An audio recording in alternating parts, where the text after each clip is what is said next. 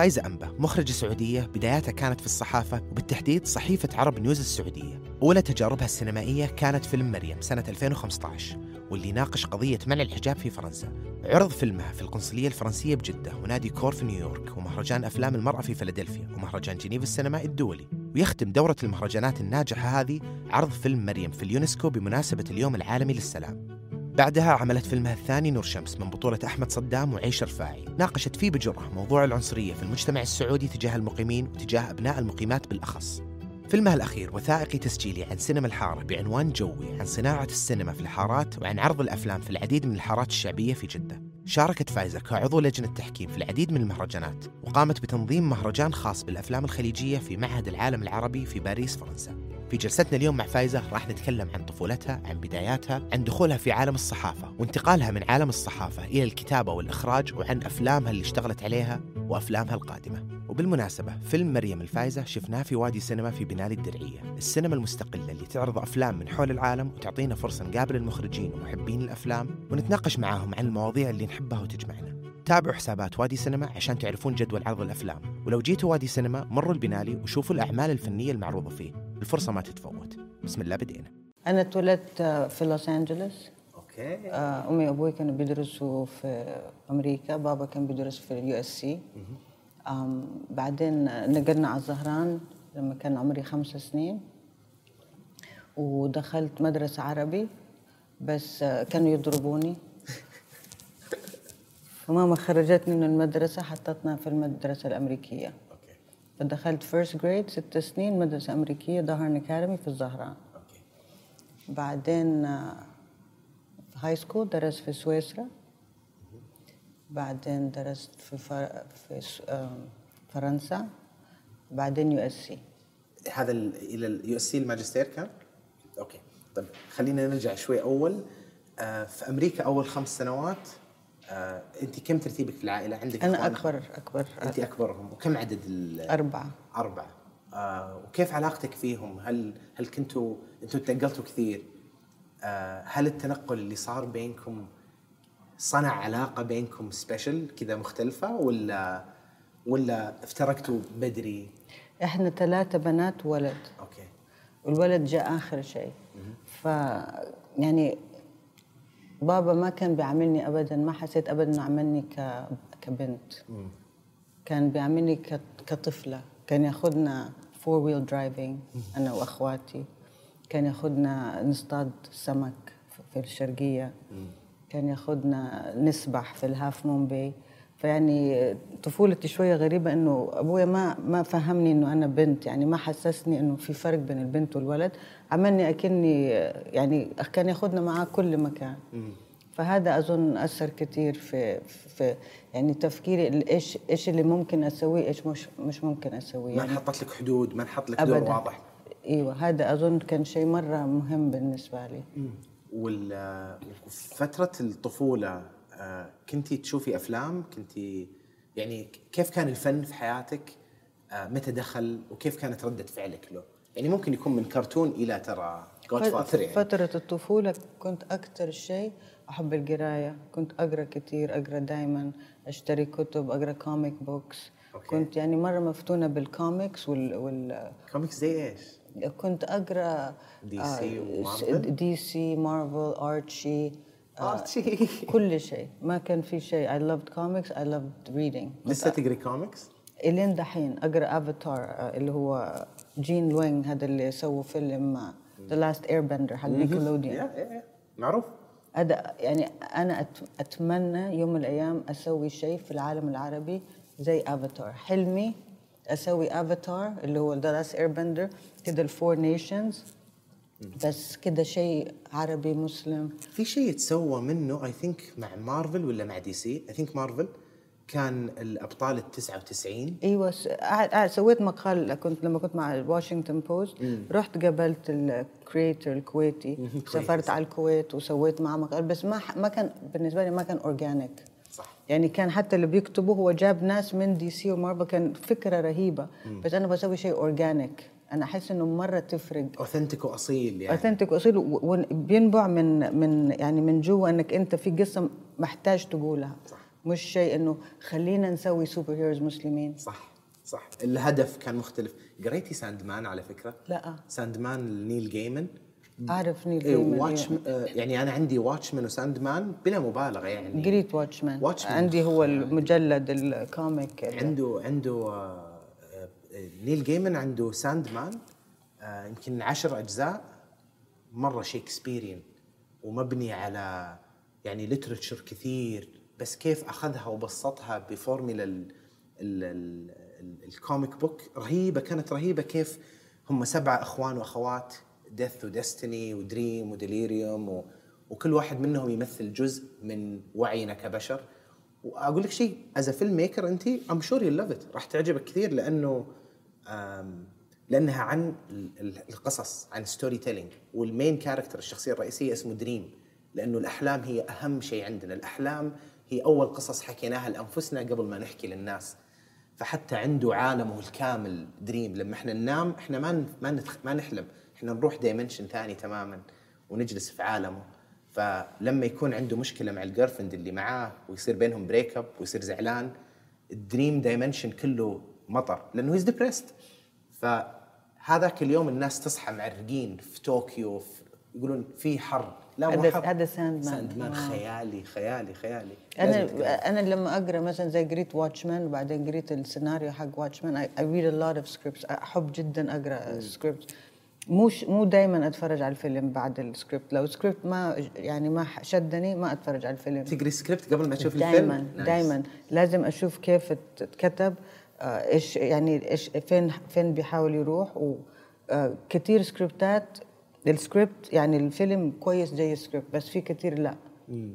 وحتى يعني إنه واحدة من الأسباب إنه أنا صرت مخرجة إنه احامي يعني أدافع عن السكريبت حقي لإنه أنا أول شيء كنت صحفية. فالكتابة عندي شيء يعني مرة أسهل بالنسبة لي. بس لما دخلت في- في ال screenwriting لقيت إنه أعرف ناس كثير مثلا ما كانوا يعني كانوا يخ... يعني يكتبوا بعدين ال- المخرجين اللي بيخرجوا شغ- شغلهم ابدا كان تمام مختلف. فأنا ما ابدا تخيلت إني حكون مخرجة أو أخرج أي شيء يعني أنا كنت أكثر شيء كتابة. بس من كتر ما كنت متمسكة بالأفكار اللي كنت بكتبها أو ال scenarios حقتي يعني رحت درست في USC شهرين cinema school. رحت درست في نايفا في باريس شهرين cinema school بس عشان يعني أحقق ال- القصة اللي أنا أبغى أقولها بالطريقة اللي أنا أبغى أقولها. فتقريبا يعني أنا صرت مخرجة يعني دفاعا عن عن القصة. الحس الصحفي الصادق. اللي أبغى أوصل اللي في بالي مثل بالضبط زي ما- exactly. موضوعية وما أعطيها فرصة لأحد ثاني يبررها بالضبط. يخربط لي هي أو يعدم الموضوع. exactly Watchmen عجبك السكريبت لما قريتيه؟ أنا قريت أول شيء المجلد اللي هو ال comic وال script عجبني إيوه. بس غيروا أنا عجبني في Watchmen غيروا فكرة في الكوميكس لما Alan Moore كتبها كانت عن كانت ال Cold War وعن ال nuclear holocaust وكيف الحرب بين روسيا وأمريكا. في الجديد في الفيلم غيروها لشيء معاصر أكثر. الظاهر كان information وال TVs وال news و fake news فيعد مرة صراحة مخاطرة إنك تأخذ عمل ناجح بذاته وتعيد صياغته للمعطيات الحالية اللي عندنا. أيوه أنا حاجات كتير مثلا ما أتفرج عليها. زي مثلا Avatar The Last Airbender حق Nickelodeon من يعني من أفضل البرنامج برامج في حياتي اللي شفتها. مرة أعشق هذا البرنامج. مستحيل أشوف الفيلم. إلين دحين ما شفت الفيلم. زي Death Note بعد. Death Note الفيلم كان إيوه ف... ف... ف Watchmen ما شفت الفيلم. ليه ليه افاتار كان عاجبك على فكرة؟ إيش شدك إيش اللي شدك له؟ four nations okay كل واحد في فيهم له آه يعني مثلا ال Earth Nation جاب لهم مثلا تاي تشي I think was the Water Nation والكاراتيه was the Fire Nation يعني كل nation حتى الكر يعني حتى ال martial arts حقتها كانت مختلفة. وكانت قصة هذا Zuko. Prince Zuko يعني narrative arc رهيب. أول شيء بيحاول يقتل الأفاتار بعدين يت- يتحول يلاقي وال scar اللي في وشه يعني إنسان broken مرة صراحة أحس نفسي بتعلق بال- بالشخصيات اللي اللي فيها شيء damaged تراجيدي شوي tragic مو شرط tragic بس كده شيء مكسور شيء كده يعني human. ف Zuko بالنسبة لي كان very human عمه يجنن برضو اللي كل شوي بس يشرب شاي. The Last Airbender مرة naive كده وتحس إنه الحياة كلها حلوة بالنسبة له يعني يؤمن بكل شيء. يعني ال characters مرة رهيبة كانت في The Last Airbender يشدك الانمي بشكل عام؟ تتفرجي أنمي هذا كثير؟ هذا لا كثير لا بس هذا مرة حبيته. يعني تشدني القصة. ومره مرة درسوها. يعني راحوا الاثنين ال writers راحوا الصين راحوا ال Far East درسوا ال culture درسوا ال martial art يعني مرة اشتغلوا عليه. يعني تحس إنه شغل متعوب عليه. أحب لما يكون فيه آه، إخلاص إني أحكي قصة أحد ثاني. آه، في video game نزل يمكن من سنتين اسمه Ghost of Tsushima آه، عن جزيرة صغيرة في اليابان.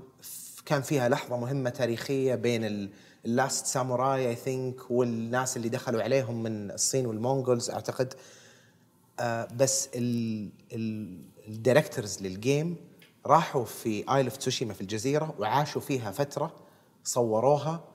وبنوها بشكل digital في ال game وحتى انتبهوا للعادات والتقاليد طريقة كلام الناس طريقة لبس الناس. الآن الاثنين المخرجين يمكن من قبل أقل من سنة Isle of Tsushima أعطتهم أعتقد آه، آه، مثل مثل ambassador لل لل- للجزيرة. سفرة للجزيرة سفرة يعني كانت سلام وشيء ثاني لو ما كنت غلطان للثقافة.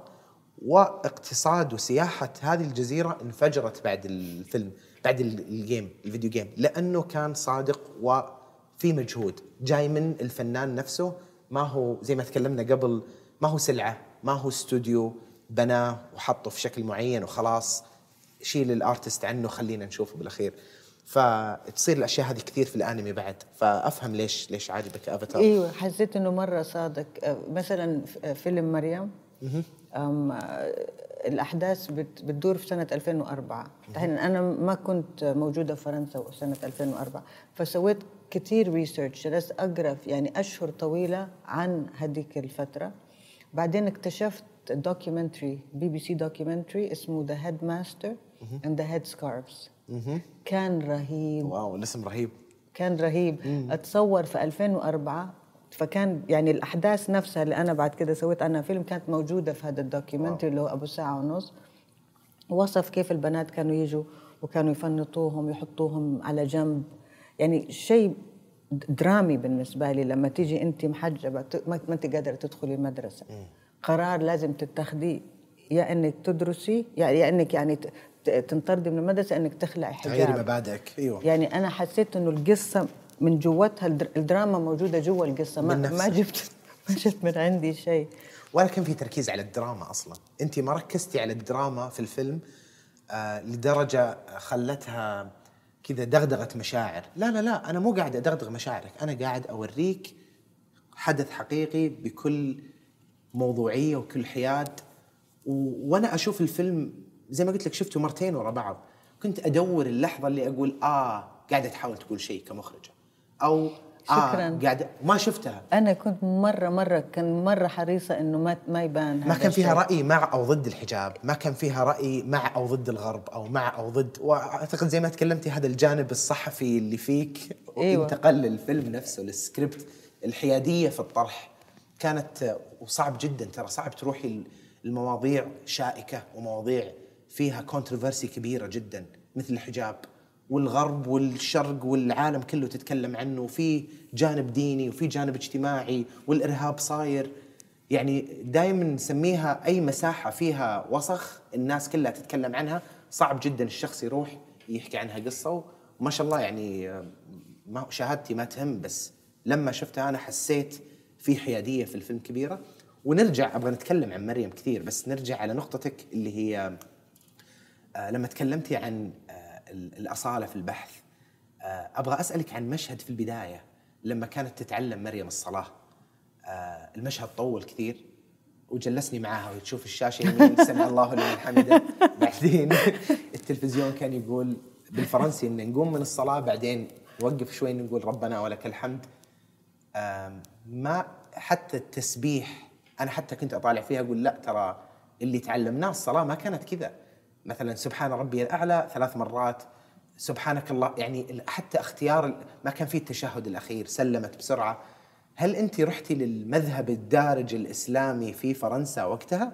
لأنه المقطع هذا اللي شغلتيه على التلفزيون ليه اخترتيه كمخرجة؟ أعتقد هذا السؤال أفضل. ليه اخترتي هذا المقطع بالذات؟ مو أي مقطع. أيوه أنا كنت بدور على يعني هي هي مريم ما كان يعني عايشة في بيت ما في يعني ولا أبوها ولا مرت أبوها ما يعني ما بيصلوا. فهي اكتشفت ال الإسلام لما راحت مع جدتها مكة كده حبت الموضوع. هذا فرجعت فرنسا دورت على في سنة 2004 حيكون video cassette فرحت أنا دورت على video cassette واشتريت كم video cassette وشفتهم. بس المنتج حقي قال لي ما حنقدر نستخدم ال video cassette لأنه ما عندنا الحقوق. صح. فجبنا artist أخذنا بالضبط اللي مكتوب في ال video cassette جبت واحد friend of mine هو تكلم الكلام فإحنا أخذنا بس الشيء اللي كان موجود في السوق. okay. okay. وهذا اللي خلاها حقيقية و authentic يعني آه على العكس كانت مرة جميلة. طب خلينا بنرجع لمريم. ارجعي لي للجامعة.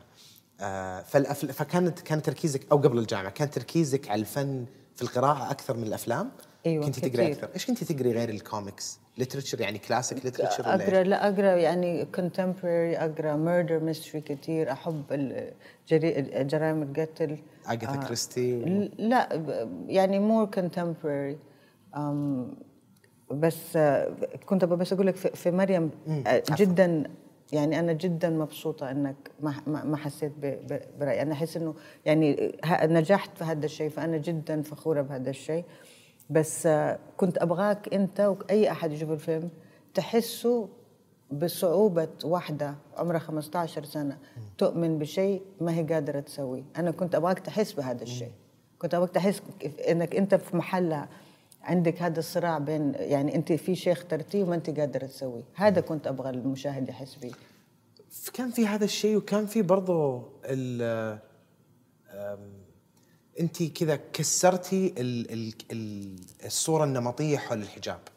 انه أي وحدة محجبة في الغرب أهلها غاصبينها على الموضوع. طيب بعض المرات يكون قرار شخصي. آه وحتى البنات اللي في المدرسة لما صفوا المدرس المدير كان يكلمهم والمدرسة وبكلمك عن المدرسة شخصيتها وعلاقتها مع مريم كانت جدا جميلة.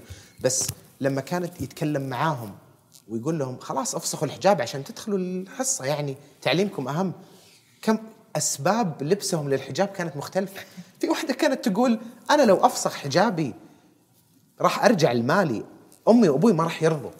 وفي بنت تقول لا هذا قراري أنا أبغى أسويه. وفي بنت تقول لا أنا أحس أستحي يطلع شعري. فهذا الشيء من البداية خلى الموضوع إنساني. لا لا لا نروح لمنظور الغرب إنه لا مغصوبين عليه. وهذا إرهاب. وهذا يخفون هويتهم. لا راحت ربطت شعرها بطريقة مختلفة. لسه لا. يعني الموضوع شخصي أكثر من ما إنه فالعكس ال- حسيت بت- حسيت بتضاربها. يعني حتى هي ما كانت مية بالمية تبي الحجاب. وجاء وقت كانت تتساءل إني ليش أنا قاعد ألبسه؟ بس عشان رحت حجيت ورجعت.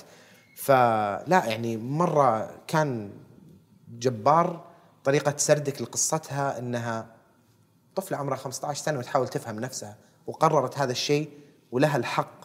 إذا إحنا نتكلم عن حرية رأي وحرية مطلقة خلاص طب إيش الفرق عنها؟ عن البنت اللي لابسة شورت ولا لابسة مزلط وداخلة class؟ مسموح لها هذه؟ طيب هذا بلدكم هذه قوانينكم خير وبركة نحترم هذا الشيء. بس برضو أحترم إنه اللي بيغطي شيء زيادة عنده الحرية. الحجاب النقاب كان في كلام كثير عليه وإنه يخفي هوية. طب إيش فرق الحجاب؟ يعني صار الموضوع مستهدف. فأعجبني إنه ما كان في رأي. كان خلينا نسرد القصة ونكون إنسانيين مع بعض وحقيقيين. آه. إيوه كنت أنا حريصة إنه ما أبغى أبين إنه كل المحجب محجبات خيار. يعني فكنت أبغى أحاول قد ما أقدر أكون صريحة. في كده وفي كده زي ما قلت أنت بالضبط. في بنات كانوا محجبات عشان مثلا أبهاتهم فرضين عليهم وفي بنات لا. فما كنت يعني زي ما يقولوا ما كان عندي أجندة في الفيلم. أجندتي الوحيدة إنه ابغاك تحط نفسك في في مكان هذه البنت وتشوف أنت إيش حيكون إحساسك. صحيح. هذه الأجندة كانت بالنسبة لي في الفيلم. أبغى نحكي عن يعني إحنا دخلنا في الفيلم في أحداثه لأني متحمس له مرة. آه، وأبغى نرجع من قبل نتكلم عن الكتابة عن الفكرة كيف وصلتك. وكيف أصلا من وين نبعت الفكرة بس أبغى أرجع بال timeline حقنا شوي إلى ال- إلى الجامعة. آه، الجامعة إيش تخصصتي؟ أنا درست business administration في الجامعة الأمريكية في باريس و communications management في يو اس سي أوكي. آه، ليه التخصصين هذه؟ والله بس هو ده اللي كان موجود وما كان كنت أبغى أدرس آه، سياسة بس آه، ابويا قال لي إيش حتسوي بالسياسة ف قال لي خدي minor in political science فاخذت قال لي business على الاقل تشتغلي معايا بس سياسة صعب كنت وما- بكون سفيرة. كنت بتكوني سفيرة؟ ما كان وقتها في سفره بنات. يلا. هل كان هل كان ال filmmaking والإخراج خيار مو حتى خيار كان كان في رغبة عندك إنك تحكي قصص؟ كنت أكتب آه، في فرنسا كنت أكتب آه، كتبت قصة. أخذت عليها A مره مرة عجبت المدرس حقي. بعدين لما كنت في يو إس سي أخذت screenwriting course برضو أخذت عليه A نفس القصة اللي كتبتها في فرنسا. آه، حولتها فيلم وحاولت أشتغل في ال في, ال في ال industry وقتها. كان آه، مصطفى عقاد كان درس مع والدي ووالدتي في يو إس سي كانوا في نفس الفترة في الجامعة. فرحت له كنت أبغى أشتغل عنده PA قال لي ليش تبغي تشتغلي؟ قلت له I wanna يعني become a filmmaker. قال لي it's not a good industry. ما ما شغلني عنده. دورت على شغل ما ما لقيت شغل في ال industry فيعني شوي I gave up. بعدين رجعت اشتغلت آه، صحافة. إيه، كيف بديتي بالصحافة؟ أم، كنت مرة مرة مقهورة كيف الأجانب بيتكلموا عن قضية فلسطين. هذا عام كم؟ ماني متذكرة بس يعني طول عمري مقهورة من كيف الفلس يعني ال- ال- الصحافة الأجنبية بت بت بتطرح القضية الفلسطينية أو أي قضية عربية أبدا ما فيها أي حقيقة يعني. فقلت بدل ما أنا أجلس أم، في التسعينات يعني قلت بدل ما أنا أجلس آه، أشتكي يعني خليني أنا أدخل في في المجال. ف ابتديت أشتغل هنا في جرايد في في في, في السعودية في الارب نيوز أول شيء. بعدين رحت مصر اشتغلت راديو اشتغلت أبص يعني أي شيء. يعني بعدين اشتغلت assistant مع نيويورك تايمز في في الشرق الأوسط في في القاهرة. بعدين في الآخر اشتغلت مع ال- وكالة أنباء الاي بي كريستيان ساينس مونيتور والواشنطن واشنطن بوست بوست بعدها صح؟ إيش كنتي تغطي؟ آه، أنت غطيتي السياسة سياسة اقتصاد بترول. حتى الحرب حرب أفغانستان آه، غطيتي منها شيء؟ حرب لا حرب أفغانستان لا بس آه، يعني كنت في في الجزائر وقت يعني في التسعينات في اليمن في الجزائر لما كان في في حروب وكده. كنت أسافر مع مراسل نيويورك تايمز زي أساعده assistant أترجم أكثر ف- فهنا ال- تعلمت ال- الصحافة مع معه آه، ووقتها هل كنتي تشوفيها خلاص هذه ال career اللي عندي هذه حياتي ولا لسه شايفتها لا زي شو- stepping stone شايفة هذا يعني هو ال career يعني ما آه ما كنت شايفة غيره بس آه في س- في سنة 2009 أخذت screenwriting course online وأنا بشتغل صحفية مع الواشنطن بوست في جدة و I fell in love all over again. يعني حسيت this هو ده هو ده اللي أبغى أسويه. مرة مرة. يعني لقيت نفسي في كتابة السيناريو. ورحت للواشنطن بوست قلت لهم أنا حضطر. ليش؟ وخليكي. وكان يعني كانت علاقتي بيهم كويسة وبكتب لهم مقالات ممتازة ومبسوطة معاهم. بس I fell in love with somebody else. اللي هي screenwriting فقالوا لي طب It's خلاص not you it's me. قالوا لي خلاص خدي sabbatical سنة. قلت لهم it's gonna be longer than that. وإلى يومك sabbatical ما خلص. إيوه ما خلص.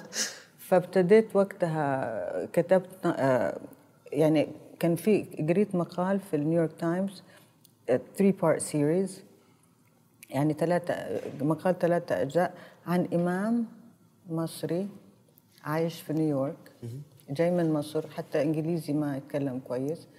آه، مرته أو بناته معاه واحدة فيهم عندها إعاقة. وقتها بعد سبتمبر 11 كيف هو بيكون دكتور و psychiatrist وإمام و يعني يجوز الناس. يعني كيف حياته في نيويورك كإمام مختلفة تماما حياته في الأزهر وفي مصر. وفي نفس الوقت لازم يكون هو يعني بين بين الجالية المسلمة حقته وبين ال FBI وتساؤلات ال FBI ويحامي عن الناس اللي عنده ويتأكد إنه ما بيسوي شيء غلط. يعني وهذه البنت اللي عندها شوية إعاقة ومرته اللي ما تتكلم إنجليزي وبناته يعني حسيت إنه مرة fascinating القصة هذه بالنسبة لي. فك... فأول ما أخذت screenwriting course كتبت قصة fictional inspired by him يعني هو القصة مش إيوه الإلهام كان المقال حق New York Times عن إمام مصري عايش في نيويورك والتناقضات اللي اللي يعني اللي اللي تعيش اللي يعيشها مثلا إمام مصري في نيويورك. هذا كان أول سيناريو. ودخلت بيه على راوي Sundance في الأردن بسنة 2010 واخذت دعم شوية من Doha Film Institute دبي انجاز في دبي يعني فهو ده السيناريو اللي كنت بشتغل عليه. بس ما كنت أبغى أخرجه لأنه ما كان عندي أي background إخراج. كنت أخذه feature film writing certificate من UCLA جامعة ممتازة في بس ما عندي إخراج. بس وقتها ابتديت أحس إنه يعني لا العمل اللي أنا بسويه محتاجه أدافع عنه إنه أنا اخرجه بنفسي. فكنت بدور على مخرج لهذا النص اللي اسمه Reverence for Spiders. ليه for spiders؟ لأنه لأنه في في الإسلام يعني في عندنا مثلا إحنا بن بن we have a reverence يعني عندنا كده بنحب ال spiders تقدير واحترام. تقدير لل للعنكبوت عشان يعني لما كان الرسول مستخبي في الكهف جو فالأجانب بالنسبة لهم ما يفهموا الشيء زي كده يعني إحنا عندنا حاجات ما حد يقدر يفهمها. فأنا كنت حابة الحاجات البسيطة اللي عندنا في ال our culture وفي لغتنا وفي ديننا يعني كنت فهو يعني اسمها Reverence for Spiders إنك أنت ما انت أنت ما أنت فاهم هذا الراجل وليش بيتصرف زي ما هو بيتصرف. هو يعني حياته غيره والحاجات اللي هو يحترمها ويحبها والأسباب مختلفة تماما عن أي شيء أنت ممكن تفهمه. صح. فتذكر وقتها كنت في دبي وقابلت هيفا هيفا المنصور. فبتقول لي كيف السكريبت حقك Spider كيف ماشي الحال؟ قلت لها لسه بدور على مخرج. فقلت طب ليش ما تخرجي بنفسك؟ قلت لها هيفا السكريبت مرة مهم بالنسبة لي يعني أحس إنه السكريبت مرة رهيب. أبغى أحد يعرف يخرجه مش أنا يعني أنا ما عندي خبرة. ما راح أتعلم عليه. أيوه قلت لها مثلا زي ما أنت قلت من شوية السكريبت هذا بالنسبة لي أكنه طفل بالنسبة لي. أنا أبغى أحسن شيء للطفل حقي. صح. فهي ردت علي قالت لي فايزة أحسن شيء للطفل حقك. أمه. أنت. أمه. أنت. كده يعني سكت سكت مرة ما ما عرفت أتكلم. بس بعد كده كنت عايشة في جدة. بعد كده نقلت على فرنسا لأنه ما كان في وقتها كانت 2010 2011 ما في شيء اسمه سينما في السعودية وقتها اطلاقا. فأنا قلت أروح فرنسا كان في ابتديت ابتد يعني أبني علاقات مع في يعني صناع أفلام عرب عايشين في فرنسا. مثلا عزموني دبي مرتين. عزم عزموني الدوحه مرتين. أنا قابلت مثلا المخرجات السعوديات اللي دحين صديقاتي كلهم قابلتهم. مثلا شهد أمين قابلتها في الدوحة. هيفا قابلتها أول مرة في أبو ظبي. عهد كامل قابلتها أول مرة في دبي. يعني وقتها كان هذيك الفترة ما كان في غير هذه المهرجانات هي اللي المهرجانات. فصرنا نتعرف على بعض هناك وتعرفت على كثير صناع أفلام عايشين في باريس بس ما نعرف بعض في باريس. فصرنا نقابل بعض في باريس بعد ما نتعرف على بعض في الخليج. فنقلت على على فرنسا كنت عايشة في جدة وأنا ماني محجبة. وما ما أحب شخصيا إن أنا أتحجب. فكانت هذاك الوقت هنا في, في السعودية كان مفروض علي الحجاب. نقلت على فرنسا سنة 2011 وقتها طلعوا القانون منعوا النقاب. فكنت أشوف هدول المنقبات يمسكوهم يلموهم في الشارع يحطوهم في البوليس فان. يعني مرة حسيت بيهم لأنه أنا كنت هنا ماني قادرة ألبس الطريقة اللي كنت أبغى وهم ما هم قادرين يلبسوا بالطريقة اللي هم يبغوا يلبسوا فهذا كان مرة مستفزني. مرة كده حرك فيها شيء. فعشان كده ابتديت وقتها أكتب آه، قصة عن موضوع التناقض حق الحريات والحجاب و... وإيش الفرق بين لما أنا أقول لك أنت كيف تلبس بس أقول لك أنت عندك الحرية بس لازم الحرية بالطريقة اللي أنا أبغاها. فهذا يعني قصة فيلم مريم طلعت من هذا بس الموضوع. قلتي لي بعد كان له علاقة في طفولتك إنك درستي في مدرسة أمريكية؟ من اي ناحية؟ إيوه أنا درست في مدرسة أمريكية زي ما قلت لك عشان كانوا يضربونا في المدرسة العربية فما حطتنا في المدرسة الأمريكية. فكانوا يقولوا لي انت أمريكية. بقول لهم لا أنا ماني أمريكية أنا عربية أنا سعودية. لا انت أمريكية ولا ما حتكوني معانا في المدرسة. فحسيت إنه أنا ما أقدر أكون أنا لو حكون معاهم في مدرستهم. يعني لازم تكوني زينا أو واحدة مننا أو ما, ما تكوني معنا فهذا مرة كنت انحرق في الصف يعني ما أدري كم كان عمري يعني يمكن 12 13 ماني قادرة أقول لها لا أنا يعني أقول لها أنا عربية تقول لي لا عشانك في المدرسة معنا لازم تكوني أمريكية. فهذا مرة استفزني فحسيت إنه مريم نفس الشيء والعرب جزء من العرب والمسلمين في فرنسا إنك أنت يا تكون زينا يا ما تقدر تكون منا طب ليش؟ ليش ما أقدر أكون أنا عربي ومسلم وبرضه فرنسي؟ فهذا اللي كان مستفزني شوية. وبرضه في سنة 2004 وقت ما نزل القرار هذا كنت أنا في مصر بشتغل صحفية وأتذكر يعني حسيت بألم لما قريت عن ال... عن القانون إنه منعوا البنات المحجبات من المدارس هو بدا الحكوميه النقاب بعدين صار الحجاب ولا كيف كان؟ أول شيء 2004 نزل قانون منعوا أي بنت محجبة تدرس في مدارس حكومية. أوف. ممنوع. محجبة ها؟ مش منقبة. حجاب 2004 أوف. وقتها أنا كنت في مصر كان عندنا اي بي وكالات الأنباء بقراها حسيت بألم كأنه أحد جرحني أنا. يعني أنا صح أنا ماني محجبة بس الحجاب بالنسبة لي يمثل برضو جزء من الهوية. هويتي. حتى لو أنا ما أختار أو يوم أختار أو ما أختار إنه ألبسه. فحسيت إنه أنا حسيت انجرحت ف- فمتذكرة في 2004 كيف لما كنت أنا هناك 2011 يعني كده حاجات كتير جت على بعض فابتديت أكتب النص ووريته المنتج فرنسي. وعجبه وقال لي خلاص أنا حنتج حنتج لك هو يعني. بعدين قال لي فايزة خليتيني أفكر بالحجاب بطريقة تمام مختلفة. أنا ما ابدا طلعت فيها بهذا المنظور وجلست في كتابة النص سنتين. عشان اخذتنا سنتين قبل ما ناخذ ال budget حقنا. كيف عرفتي ال producer؟ لأنه أنت في فرنسا. اتعرفت عليه عن طريق عهد كامل. أوكي. عهد تعرفت عليها في دبي. فأنا كنت في فرنسا هو كان ال producer حقها فيلم حرمة. فكانت تاخذني معاها على ال edit suite. تعالي شوفي الفيلم حقي حرمة وما أدري إيش. فتعرفت على جيروم مع عهد أوكي. في فرنسا. فسنتين كنتوا تدوروا تمويل للفيلم. أول شيء أخذنا شوية تمويل من الدوحة شوية تمويل من دبي. بس هو كان معتمد على ال budget من ال CNC اللي هي ال- الجهة الحكومية الفرنسية اللي بتدعم يعني ما أقدر أقول لك بالضبط بس يمكن 75% من الأفلام الفرنسية كلها. يعني شيء مرة دعم ضخم. حكومي. دعم حكومي أيوه. آه فأول مرة قدمنا السيناريو رفضوه. ثاني مرة قدمنا السيناريو بعدها بأربع أشهر كل أربع أشهر تقدر تقدم رفضوه. ليه رفضوه على فكرة؟ كل مرة كان سبب مختلف. على الموضوع ولا على تكنيكاليتي الكتابة و أظن الموضوع كان كان مرة يعني بسبب قلق بالنسبة لهم. فتاني مرة رفضوا ثالث مرة رفضوا والمفروض إنه تقدم ثلاث مرات بعد كده ما تقدر تقدم. ما تقدر تقدم نفس الفيلم ولا أيوه فيلم ما؟ تقدر تقدم نفس الفيلم. بس بما إنه الفيلم كان الناس عليه was so controversial بالنسبة لهم. يعني كانوا مرة بيتضاربوا في هذا سمحوا لنا نقدم رابع مرة. واو. فهذه الأربع أشهر يعني أر- كل أربع أشهر نقدم صارت سنة و- و- ور- ونص تقريبا. وكنتي تغيري شيء في النص ولا نفسه شيء مرة بسيط؟ يعني كنت كنت أنا كنت أنا شو يعني الحمد لله كنت أنا ما بغير النص عشانهم. كنت بحسنه. أطوره. بطوره.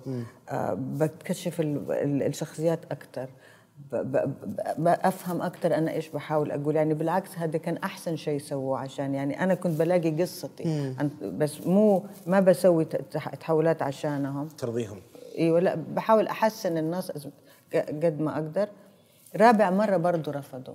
امم بعدين في شيء في فرنسا اسمه l'aide au programme اللي هو ال funds تجي. يعني أنت لما تكون مثلا منتج فرنسي لو جاتك لو كان عندك أفلام مرة ناجحة في السنة مثلا سنة 2020 عندك يدوك الإمكانية إنك يمولوا لك أي فيلم أنت تختاره. تحط 1 and 2 يمولوا لك الفيلم. بس as producer لأنه فيلمك السنة اللي قبلها نجح.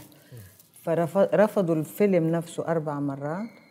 بعدين ال producer حقي حطه هو كان عنده فيلمين حطوا حطوا فيلم number 2 حقه فادوا له المنحة بس عشانه هو مو عشان ال program واو. واو. واو. آه كان مؤمن فيه المنتج لهالدرجة.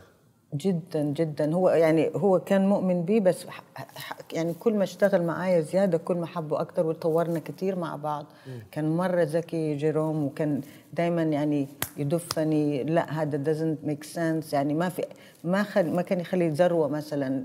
طب ليش بتقول كده؟ طب ديستز يعني كل شيء كان يدف أنا أحس إنه هذا شيء مره مرة مفيد للكاتب. كان يتحداك يتحداني في كل شيء. ما يعني زي ما قلت أنت الحاجات اللي مثلا مش كلهم باختيارهم لا في منهم غصب عنهم.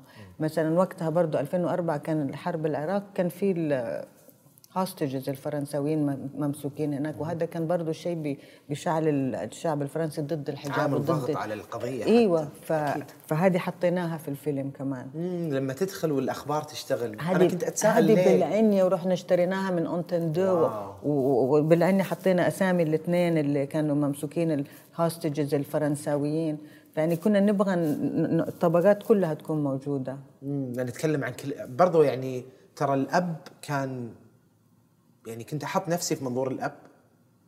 ترى إذا ما كان متدين وجالس في فرنسا والمجتمع كله عليه آه وفي ضغط على العرب والمسلمين وزوجتي متوفية وأنا مع زوجتي الثانية وبنتي بتتحجب وما عندي مشكلة مع الموضوع بس صار في ضغط في المدرسة.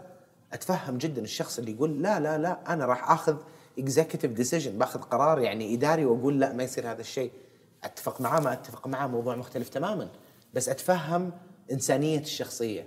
أنا كنت في الجزائر أنا يعني رحت الجزائر مرتين ثلاثة في وقت وقت الجهة الإسلامية لما كان في المشاكل بين الجزائر يعني كان في انتخابات بعدين ما عجبوهم يعني شالوا الناس اللي انتخبوهم فكان في زي الحرب أهلية في الجزائر. فوقتها المتطرفين المسلمين كانوا بيستهدفوا الصحفيين الصحفيين العلمانيين مثلا. فأبوها أنا كان صحفي علماني مستهدفينه الإرهابيين. هو بالنسبة له كان الإسلام شيء يعني آه، مؤلم. يهدده إلى حد يهدده. فهو يعني في في منهم صحفيين الجزائريين آه، يعني أخذت هذه من من الحقيقة. كانوا يسافروا فرنسا وحياتهم كانت مهددة. صح. في في في الجزائر. فهو هارب من التطرف فهو شايف بنته جابت له تطرف إلين وسط بيته. ففي محادثة بينه وبين مرته ما أدري لو كانت واضحة بس يمكن ما زبطتها كويس. بس يقول لها لما لما البنت تدخل على هو مرته تسمعهم اوف يقول لها أنا ما هربت من التطرف عشان تجيب التطرف إلين عندي في البيت. يعني حاولت إيوه. كان هذا قصدك هربت من التطرف اللي موجود عندي في, في البلد؟ الجزائر آه بالضبط. إيه. لا أنا شفتها ما وضح لي إنه صحفي علماني آه أنا وضحت لي إنه عنده نظرة ضد الدين فقط. وبغض النظر حتى لو كانت هذه نظرته يعني أتفهم موقفه كقرار يبي يحمي بنته يحمي نفسه شخصيا. بس يعني هذه الأبعاد اللي تصير إنه الشخصية صحفي جزائري في فرنسا العراقيين آه، وقت حرب العراق والهوستجز الأسرى الفرنسيين هذه الأبعاد اللي تسكت أي أحد قبل ما يتكلم وذكية جدا وغالبا ما تصير إلا مع الوقت لما الواحد يدخل في القضية أكثر وياخذ راحته مع النص بالضبط. ويوسع. وعشتها وعشتها كصحفية كمان. وأنت عشتيها كصحفية. مع هذا شيء ثاني. وزي, وزي ما قلت لك ال documentary اللي شفته هذا كان رهيب.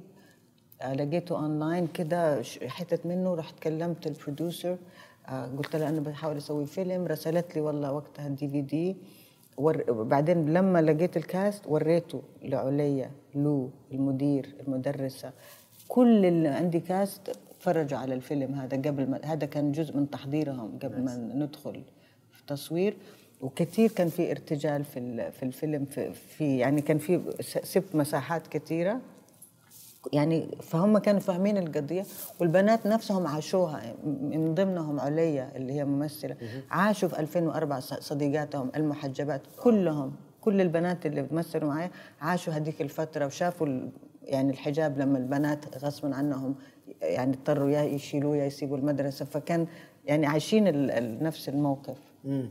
كان في بعد لما تكلمت عن الارتجال تو كان في مشاهد كثيرة لاحظتها إنه لا يمكن مكتوبة بالنص. هذه هذا نتيجة آه، ممثل فنان مع مخرج أعطاه المساحة الصح. لما وكانت مرة لحظة مهمة ترى لما تقابلوا أول مرة يدخلون البنات بعد قرار منع الحجاب.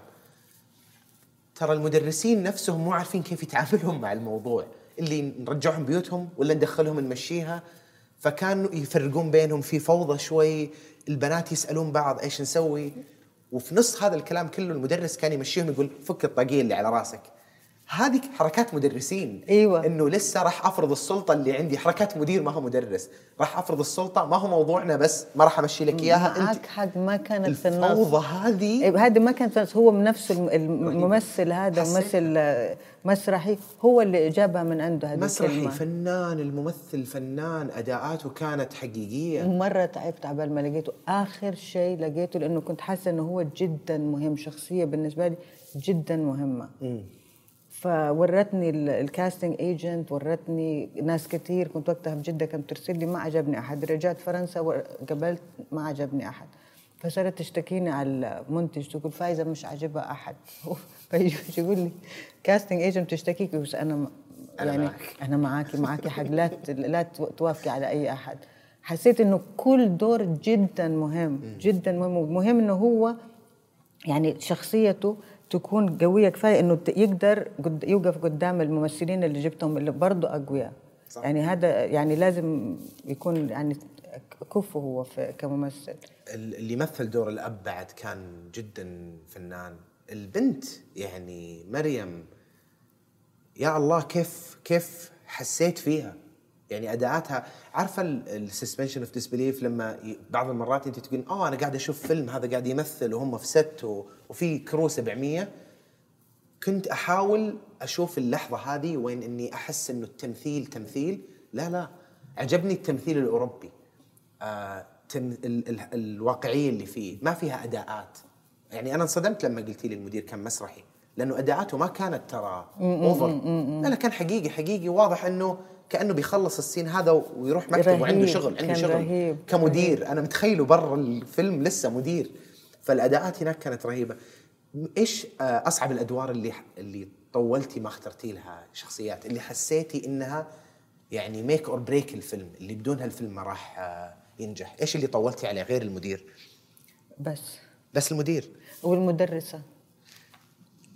المدرسة شفت كثير كثير كثير بعدين جيروم قال لي كلمة واحدة في كان ثلاثة أربعة كويسين. جيروم قال لي ش- كنا كنا تفرجنا الاوديشنز هو ابدا ما كان يتدخل كان رهيب جيروم رهيب مرة دلعني.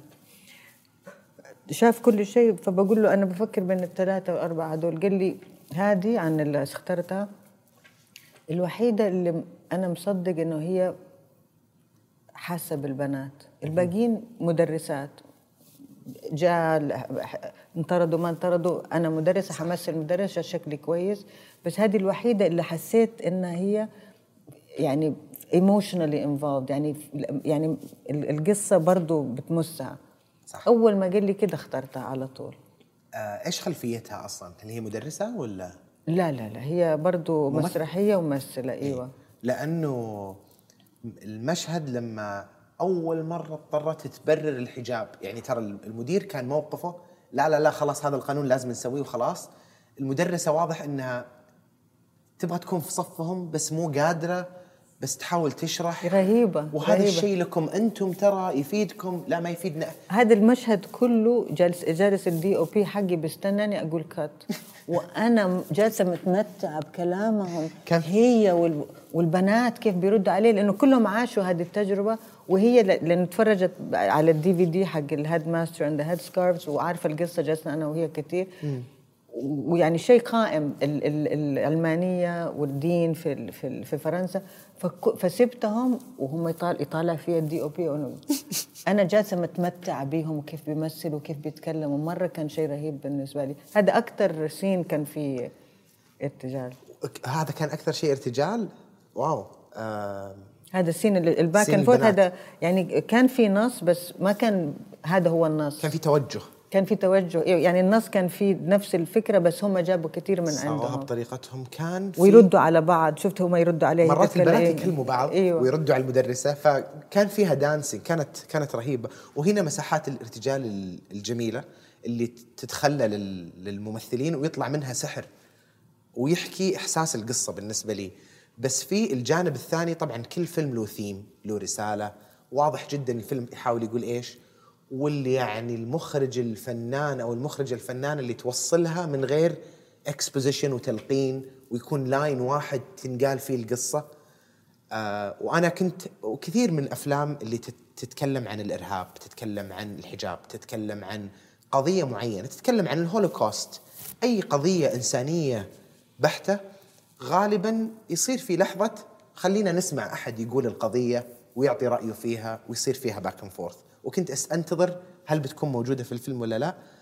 وعجبني فين حطيتيها. كان ال line الوحيد اللي حسيت فيه exposition بس ما كان كلام كثير كان line line انتهينا.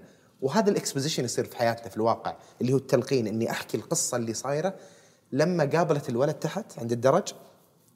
وقال لها عن ال- المظاهرات قال لها راح أعمل لك لوحة. طبعا الرومانس اللي بينهم وال... وإن هي عايشة في مخها وصاحبتها تقول لها لا لا لا تروحي تشتري السي دي. لا لا. هناك لما تكلمت معاه بعدين قال لها راح أعطيك اللوحة وطلعت الدرج كذا اللي عايشة حياة. لما المدرسة شافتها بعدين قالت لها كذا رمت عليها كلمة إنه ما شفت ابتسامتك هذه في ال... في الكلاس ال- الفرنسي عندي. العلاقة اللي بينها وبين المدرسة إنها أنت البنت الشاطرة وأنا أضغط عليك من ناحية بس أنا مبسوطة لك إنك قاعدة تسوين هذا الشيء وأنا في صفك لكن مو في صفك. عجبني إنه هنا صار في الصدام ال... الأيديولوجي. هنا وضح الاختلاف بين المدرسة والبنت. فال exposition هنا مو مسموح. لا هذا مكانه الصح إنه line واحد إنه بس هذا القانون مين يحط القوانين؟ ما شاء الله عليك يا محمد. هذا رهيب انت. عجبني جدا لا كفشتني. إيه. هو بالضبط. أنا ما كنت عارفة لو في أحد حيلاحظ. بس كانت line واحد line واحد فقط. ما كانت وإحنا مستضعفين في هذا البلد وإيش يصير لنا و و- طب ليه مصورين فيلم؟ نخليه بودكاست وخلاص. لا ما شاء الله عليك. بس هناك ال line جاء في مكانه حتى اللي عاطفيا. وأنا أتفرج الفيلم أنا مبسوط معاها كلمت الولد وبيروح أيوه يسوي بالضبط. أنا كده أيوه. وبعدين على طول المدرسة قالت طب خلاص روحي صف ما دخل ما دخل ما دخل ما دخلنا في نقاش. ما دخلنا في هذا نقاش. ال line كان رهيب وعلاقتها بالمدرسة حلوة. وأقول لك شيء ما هو feature film اللي يلا خلينا نشوف إيش صار بينها وبين المدرسة بعدين. حلو إنك تتكلمي عن قصتها مو القضية. فخلاص إحنا نمر في يومها في أشياء معينة في حياتها والانتراكشنز اللي تصير بينها وبين الناس. فهذا المشهد كان جدا جدا جدا عجبني الصراحه آه كيف كتبتي علاقتها مع صاحبتها البنت اللي معاها؟ إيش كان اسمها البنت اللي آه اسمها في الفيلم صوفيا بس الحقيقة لو. لو إيوه. صوفيا إيوه. آه إيه اللي مثلت دور صوفيا آه كيف جبتي الممثلة؟ كيف كتبتي الديناميكية اللي بينهم؟ لأنه المشاهد كانت بنوتية بحتة ترى. إيوه إيوه أم علاقة البنات. ال- زي ما قلت ال casting agent اللي اشتكتنا على المنتج كانت ترسل لي هنا كنت وقتها في جدة البنات. قلت لها بس من البنات كلهم أبغى أشوف آه، عليا وأبغى أشوف هذه البنت. يعني شفت يمكن عشرة في كل دور بس هدول الاثنين الوحيدين اللي كنت بشوفهم فرجعت فرنسا قابلت عليا مرة شربت معاها قهوة. أنا كيف أشتغل مع مع ممثلين؟ يعني أنا كنت صحفية ما ما عندي background أخراج. هذا في أول فيلم أخرجه. فأبغى أكون على ال set حقي مرتاحة مع الممثل. ما أبغى حد يعذبني ما أبغى حد يتحداني. فبس أبغى أجلس مع أي ممثل خمسة دقائق مو أكثر. ما أحتاج أكثر من خمسة دقائق أعرف إنه هل أنا حقدر أشتغل مع هذا الإنسان؟ هل حيسمع كلامي؟ هل حنقدر نت... بس مو أكثر. وهي بقى كمان عليا برضو من نفس الأماكن هذه. ف يعني أنا جاية سعودية. ماني فرنسية. الفرنسي حقي ممتاز بس يعني برضه لما تخرج فيلم لازم يكون أحسن من ممتاز. أكيد. فلسه يعني حتى في الفرنسي كنت ماني واثقة 100% وهي من ال... من نفس المناطق هذه البونليو حقت فرنسا الحواري فرنسا. فأبغى أشوف لو هي حتتحداني ولا كيف حي... حيمشي الحال. فجيت اتكلمت معاها وكده قالت لي انت أول فيلم قلت لها إيوه أول فيلم. طب ليش بتسويه؟ حكيتها. حسيت إنه لا ممكن هشتغل معاها.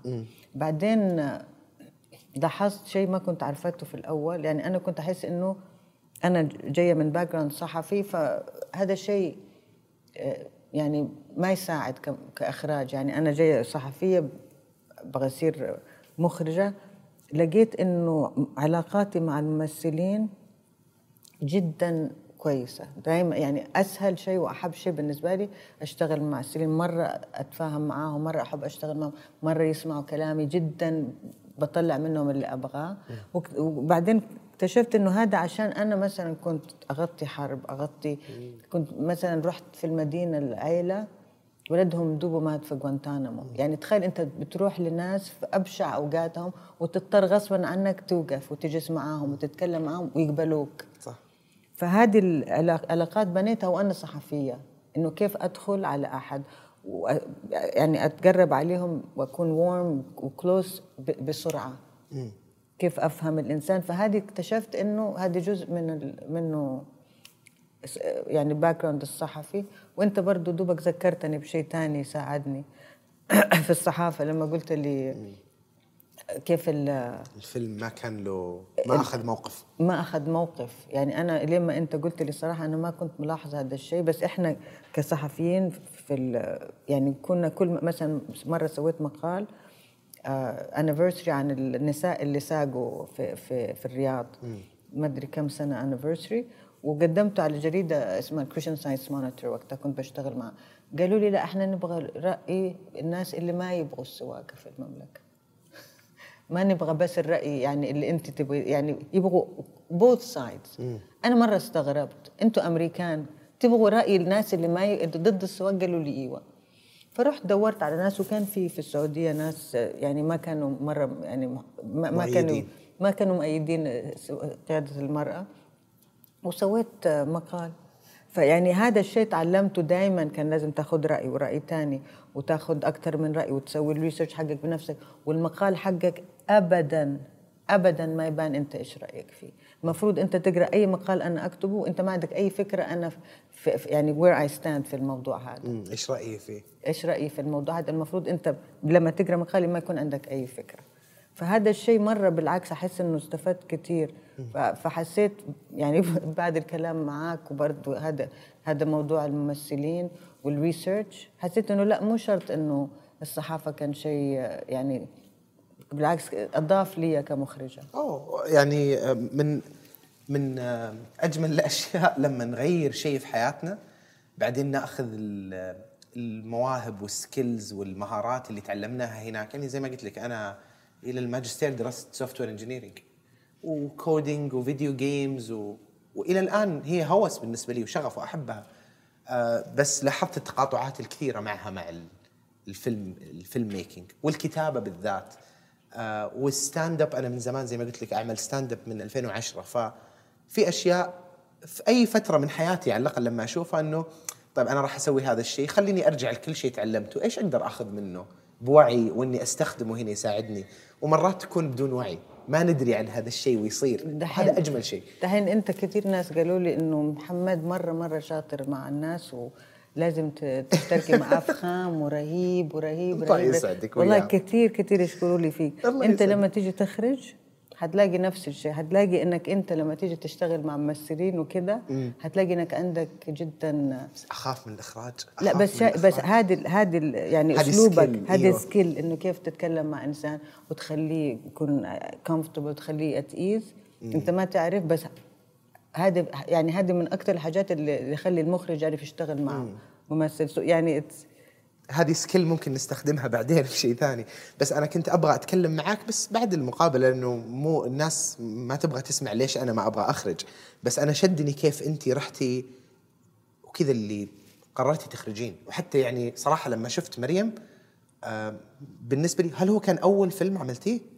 ما لا أنا بالنسبة لي يعني ال ال الصورة اللي كانت ال- الخيارات الممثلين الإيقاع في القصة كتابيا ما هو تجربة أول شورت فيلم ينعمل؟ يعني واضح أنك أخذتي وقتك للتجربة الأكاديمية وتعلمتيها كتابيا وإخراجيا ودخلتي فيها وطبقتيها بوثوق. أتمنى أسو... أتمنى يكون عندي الفرصة إني أتعلمها بهالشكل وأطبقها لأنه أحس ال...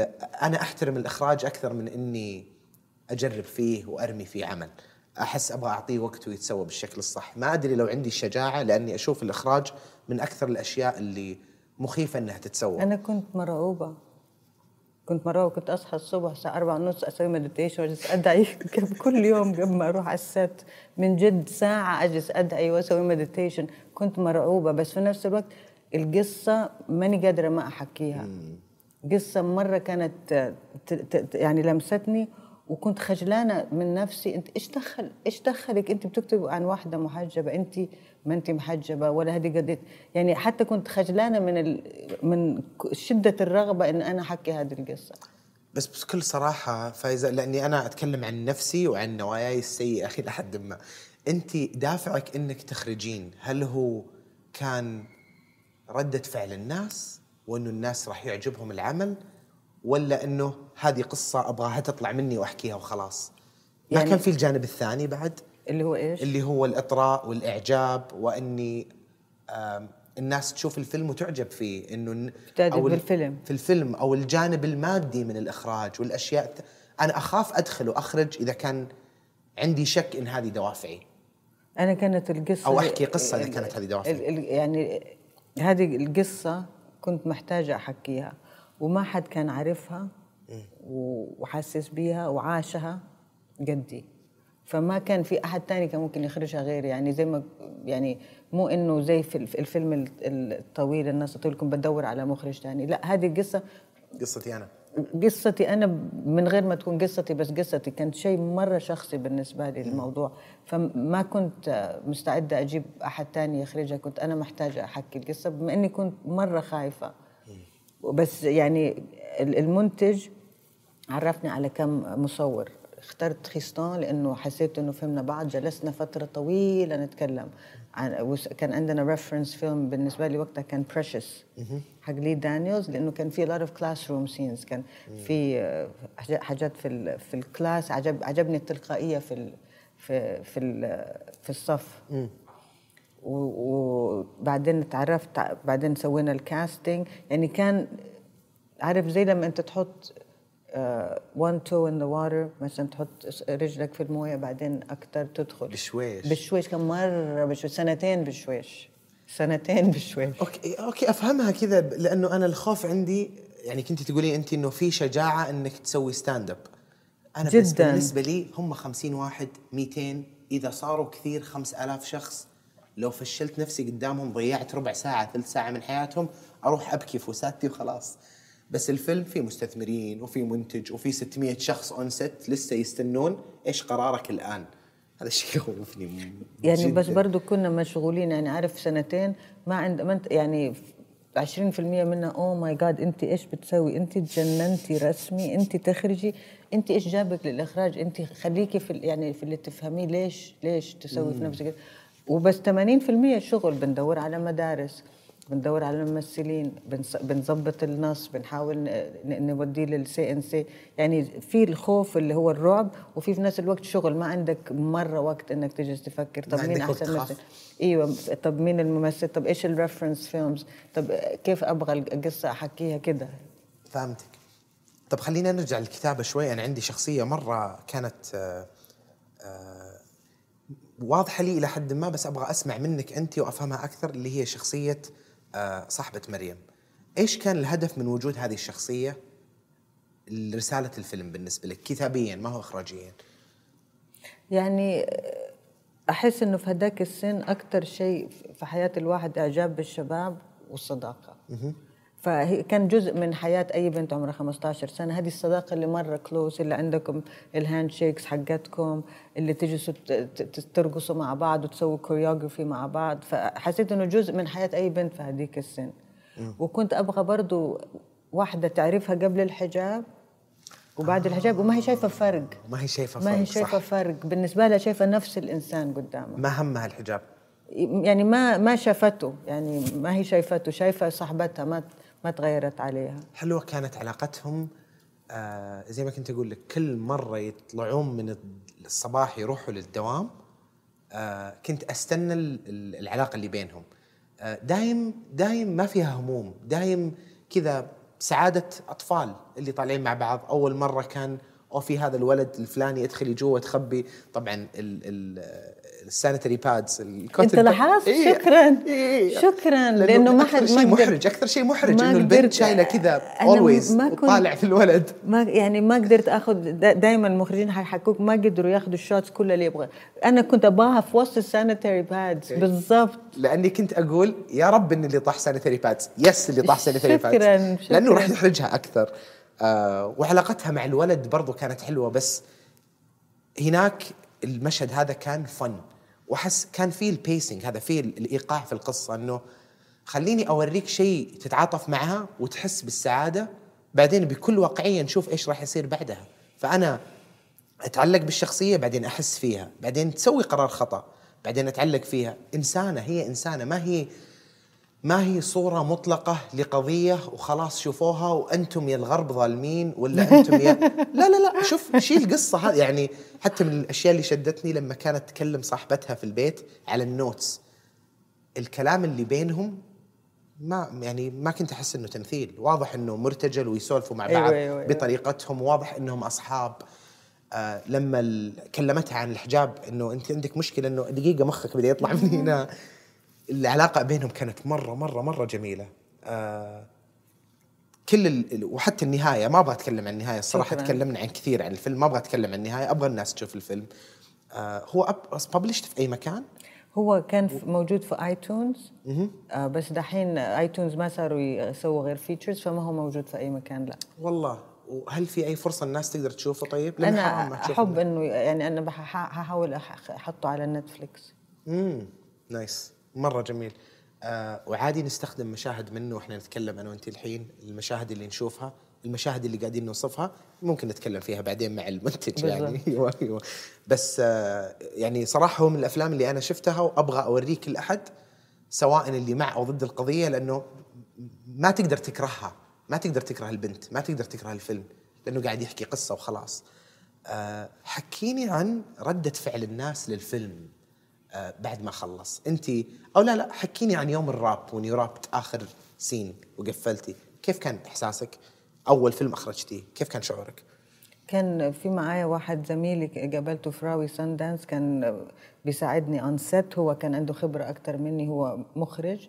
ف he was my directing consultant قلنا cut طالع فيها قال لي فايزة you're very very brave. وبعدين جيروم جا- جاب لي ورد.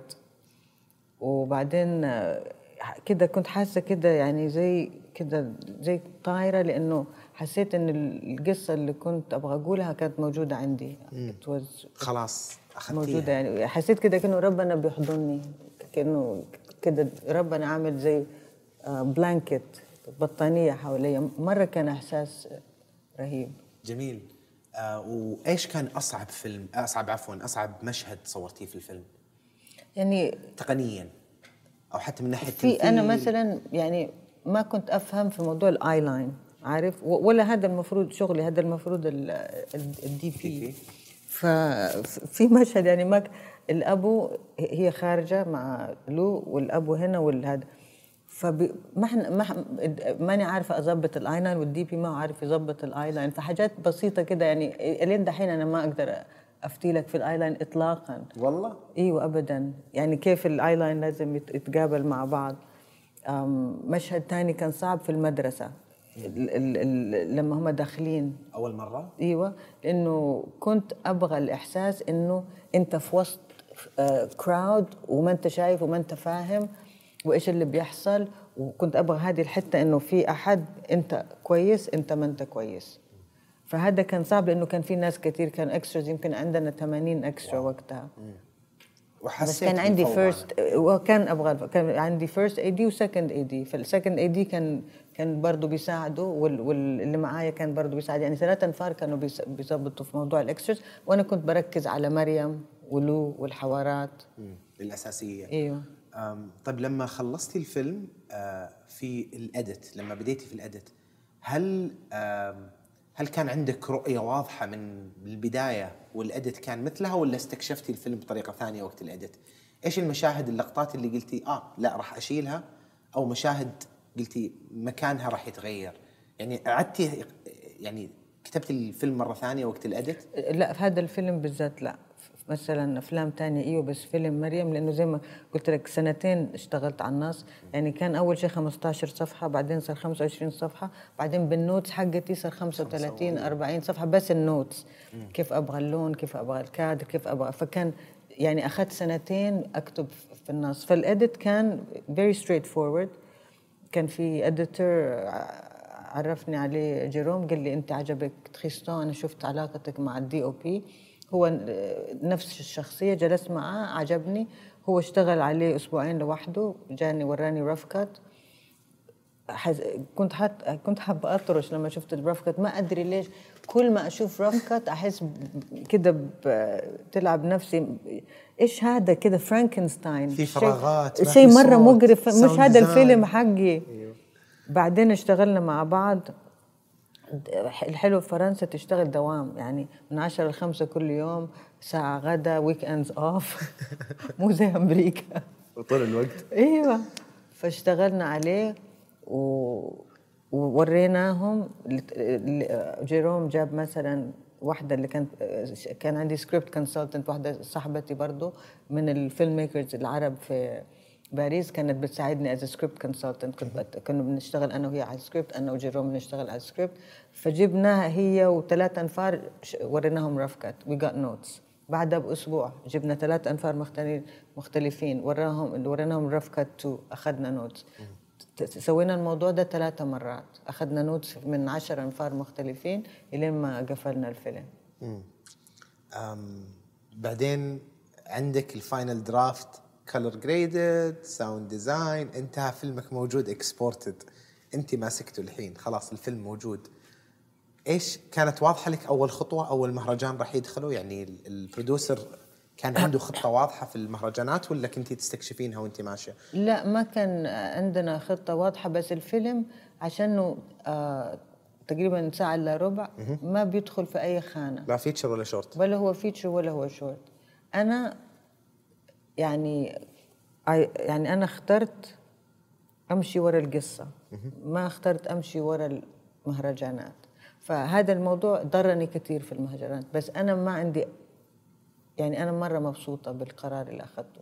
في ناس قالوا لي طب طولي شوية دخلي مهرجانات أسهل كسري شوية دخلي مهرجانات أكثر حسيت إنه القصة أنا أخذت بالضبط الوقت اللي كنت محتاجة ولا دقيقة أقل ولا دقيقة أكثر فأنا بالنسبة لي إنه القصة تكون متكاملة. أهم انه من إنه يدخل مهرجانات. إنه أشوفه مثلا أمس لما عرضته في وادي سينما.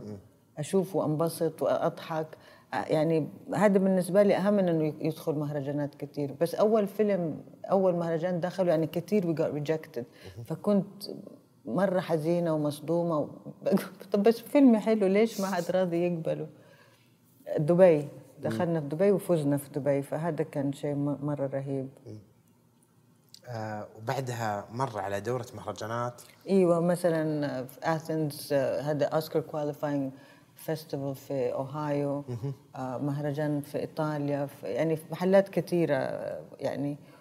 و بس آه، يعني حياة مريم آه، دحين موجودة إلين دحين مثلا من من شهرين في جامعة اتصلت بي يبغوا يعرضوه عندهم.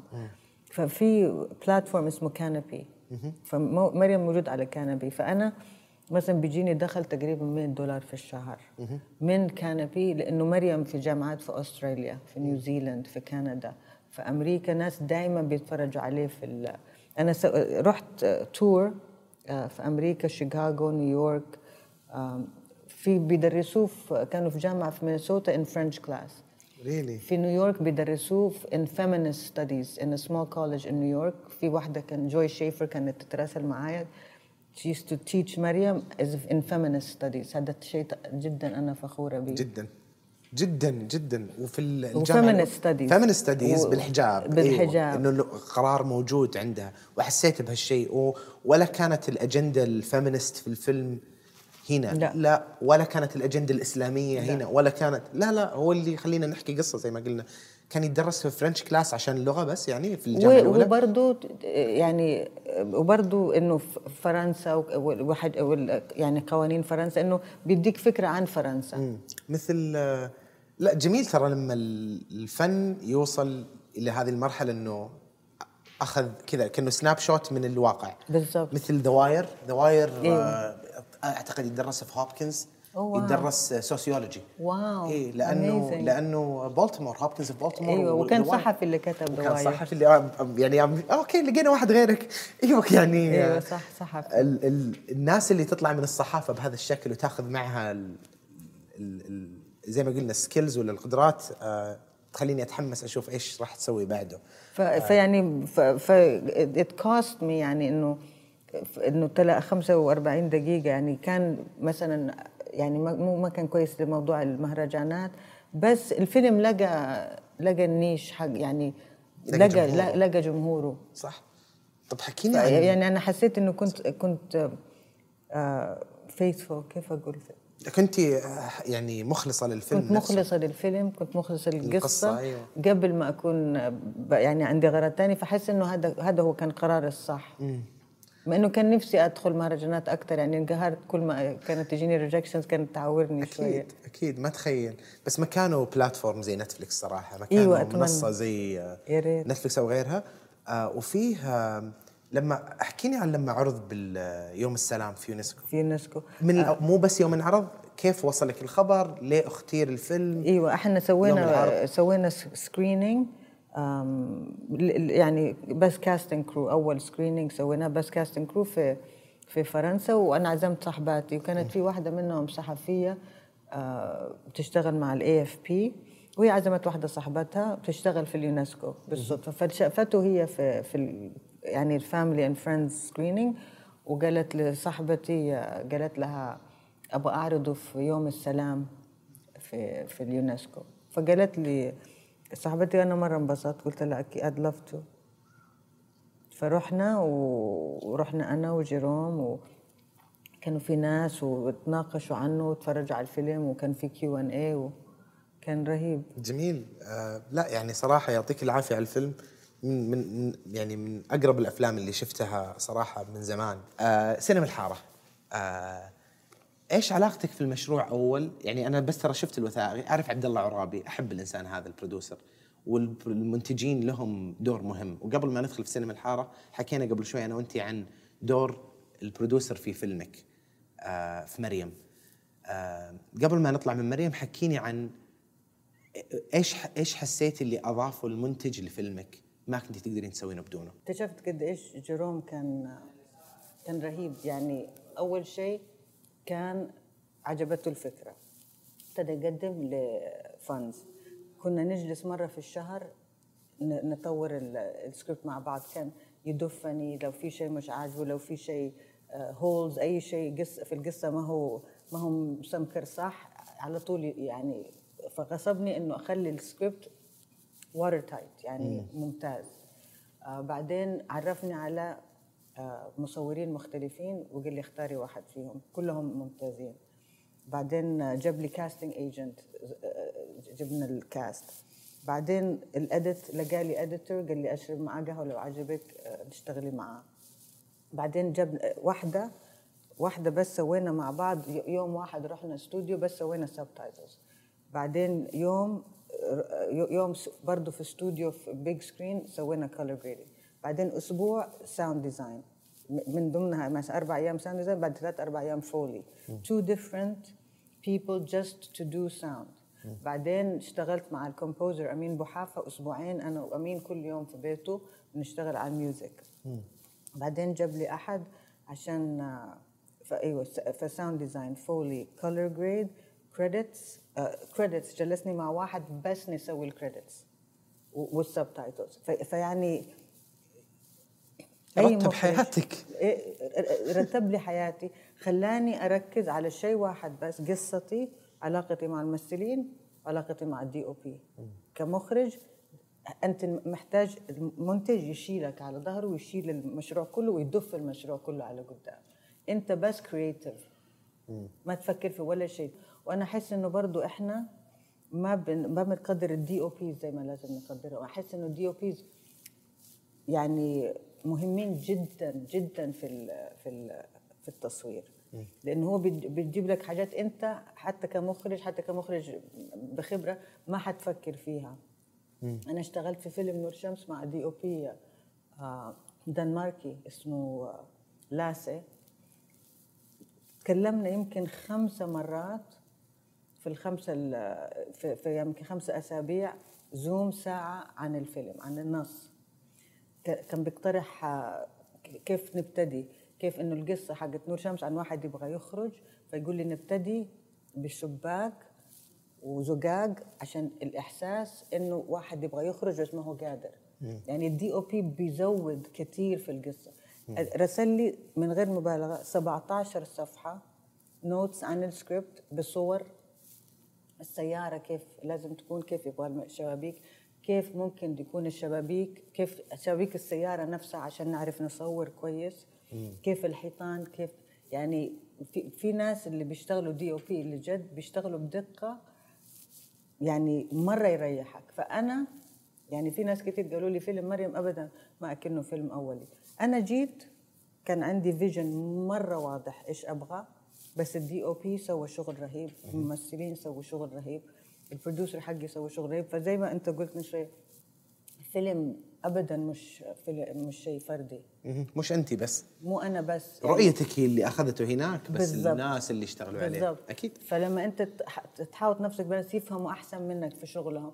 ما حد كان فاهم في الست كله قدي أنا إيش أبغى أشوف. بس الباقيين فاهمين شغلهم أحسن مني. فهذا بالنسبة لي اللي خلى فيلم مريم فيلم رهيب. وأنا فيلم مريم بالنسبة لي من أفضل الافلام أحبها. وما أحس إنه فيلم مريم هذا يعني إنه كويس إنه معناته إنه أنا كويسة. لا فيلم مستقل عني. يعني فيلم هو فيلم رهيب ككل ككل يعني ممثلين كل شيء فيه حلو. بس ما أحس إنه هذا معناته إنه يعني أنا ما أحس لما أشكر فيلم مريم كاني بشكر فايزة.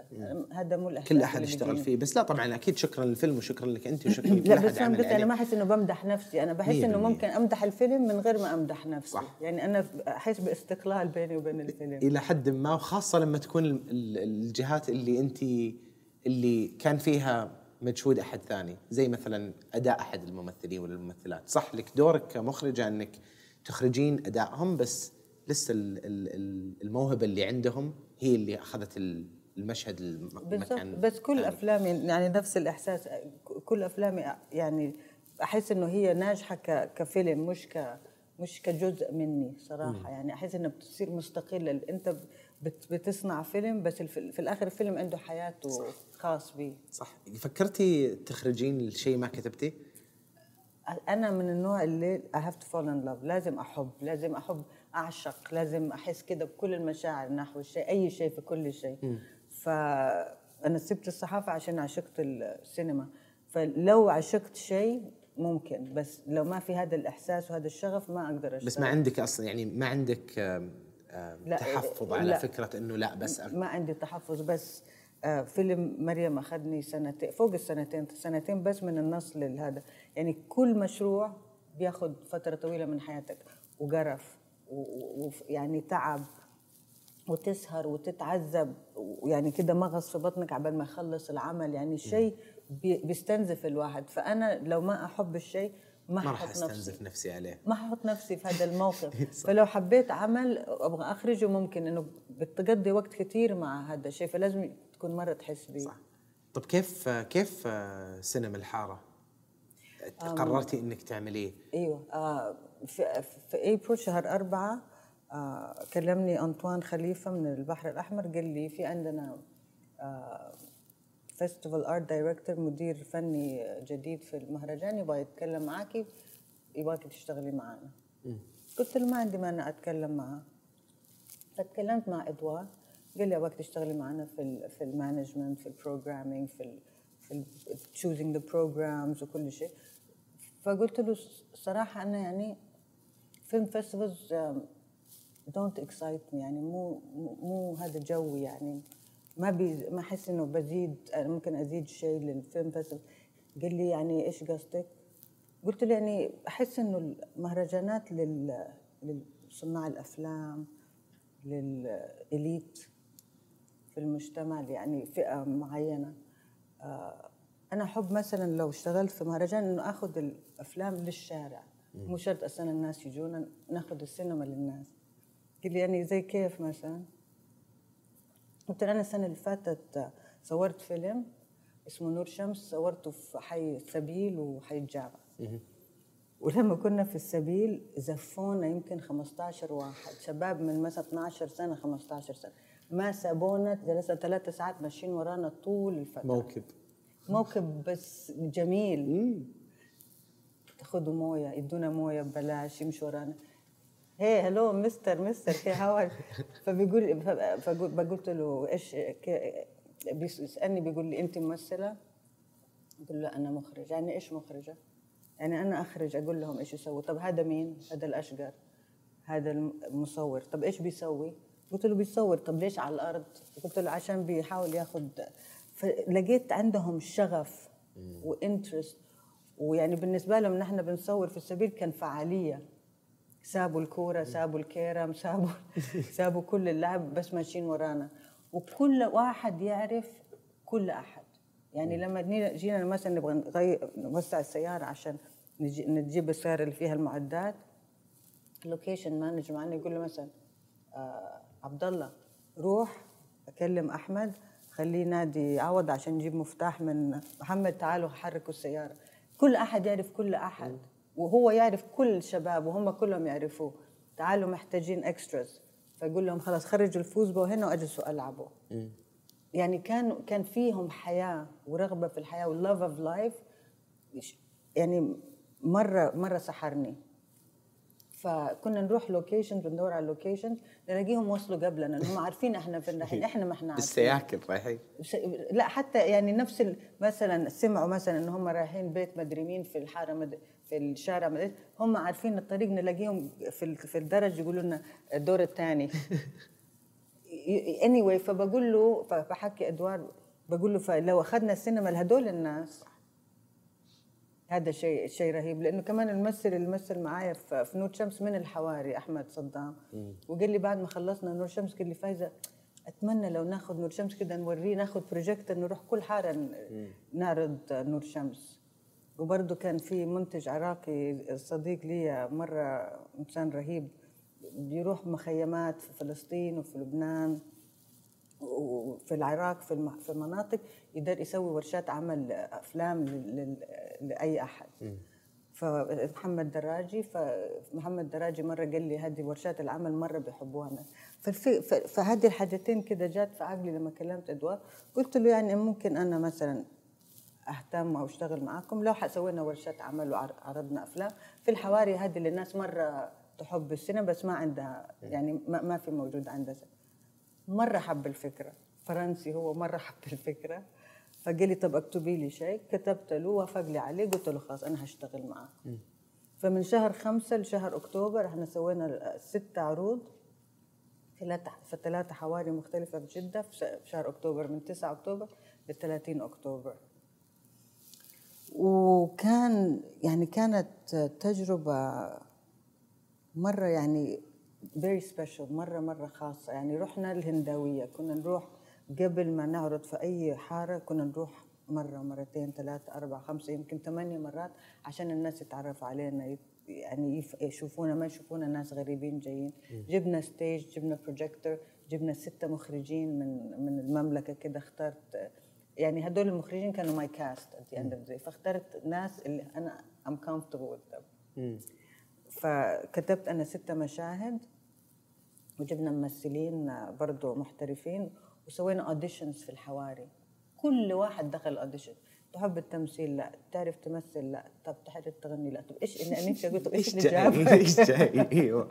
آه فعالية وجاي. أيوه.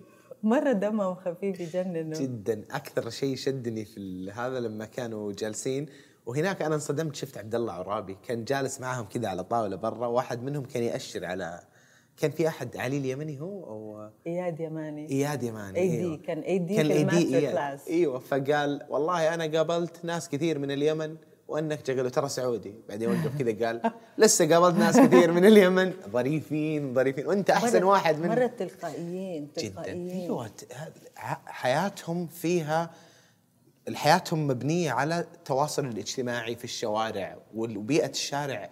ما هي سهلة يعني. محمد they own the streets. شوارع أيوه ملكهم. شوارعهم أيوه. وأي واحد صغير يدخل في هذا ال- ال- العالم أنت تصير زيهم ولا بتنوكل. الناس راح تاكلك.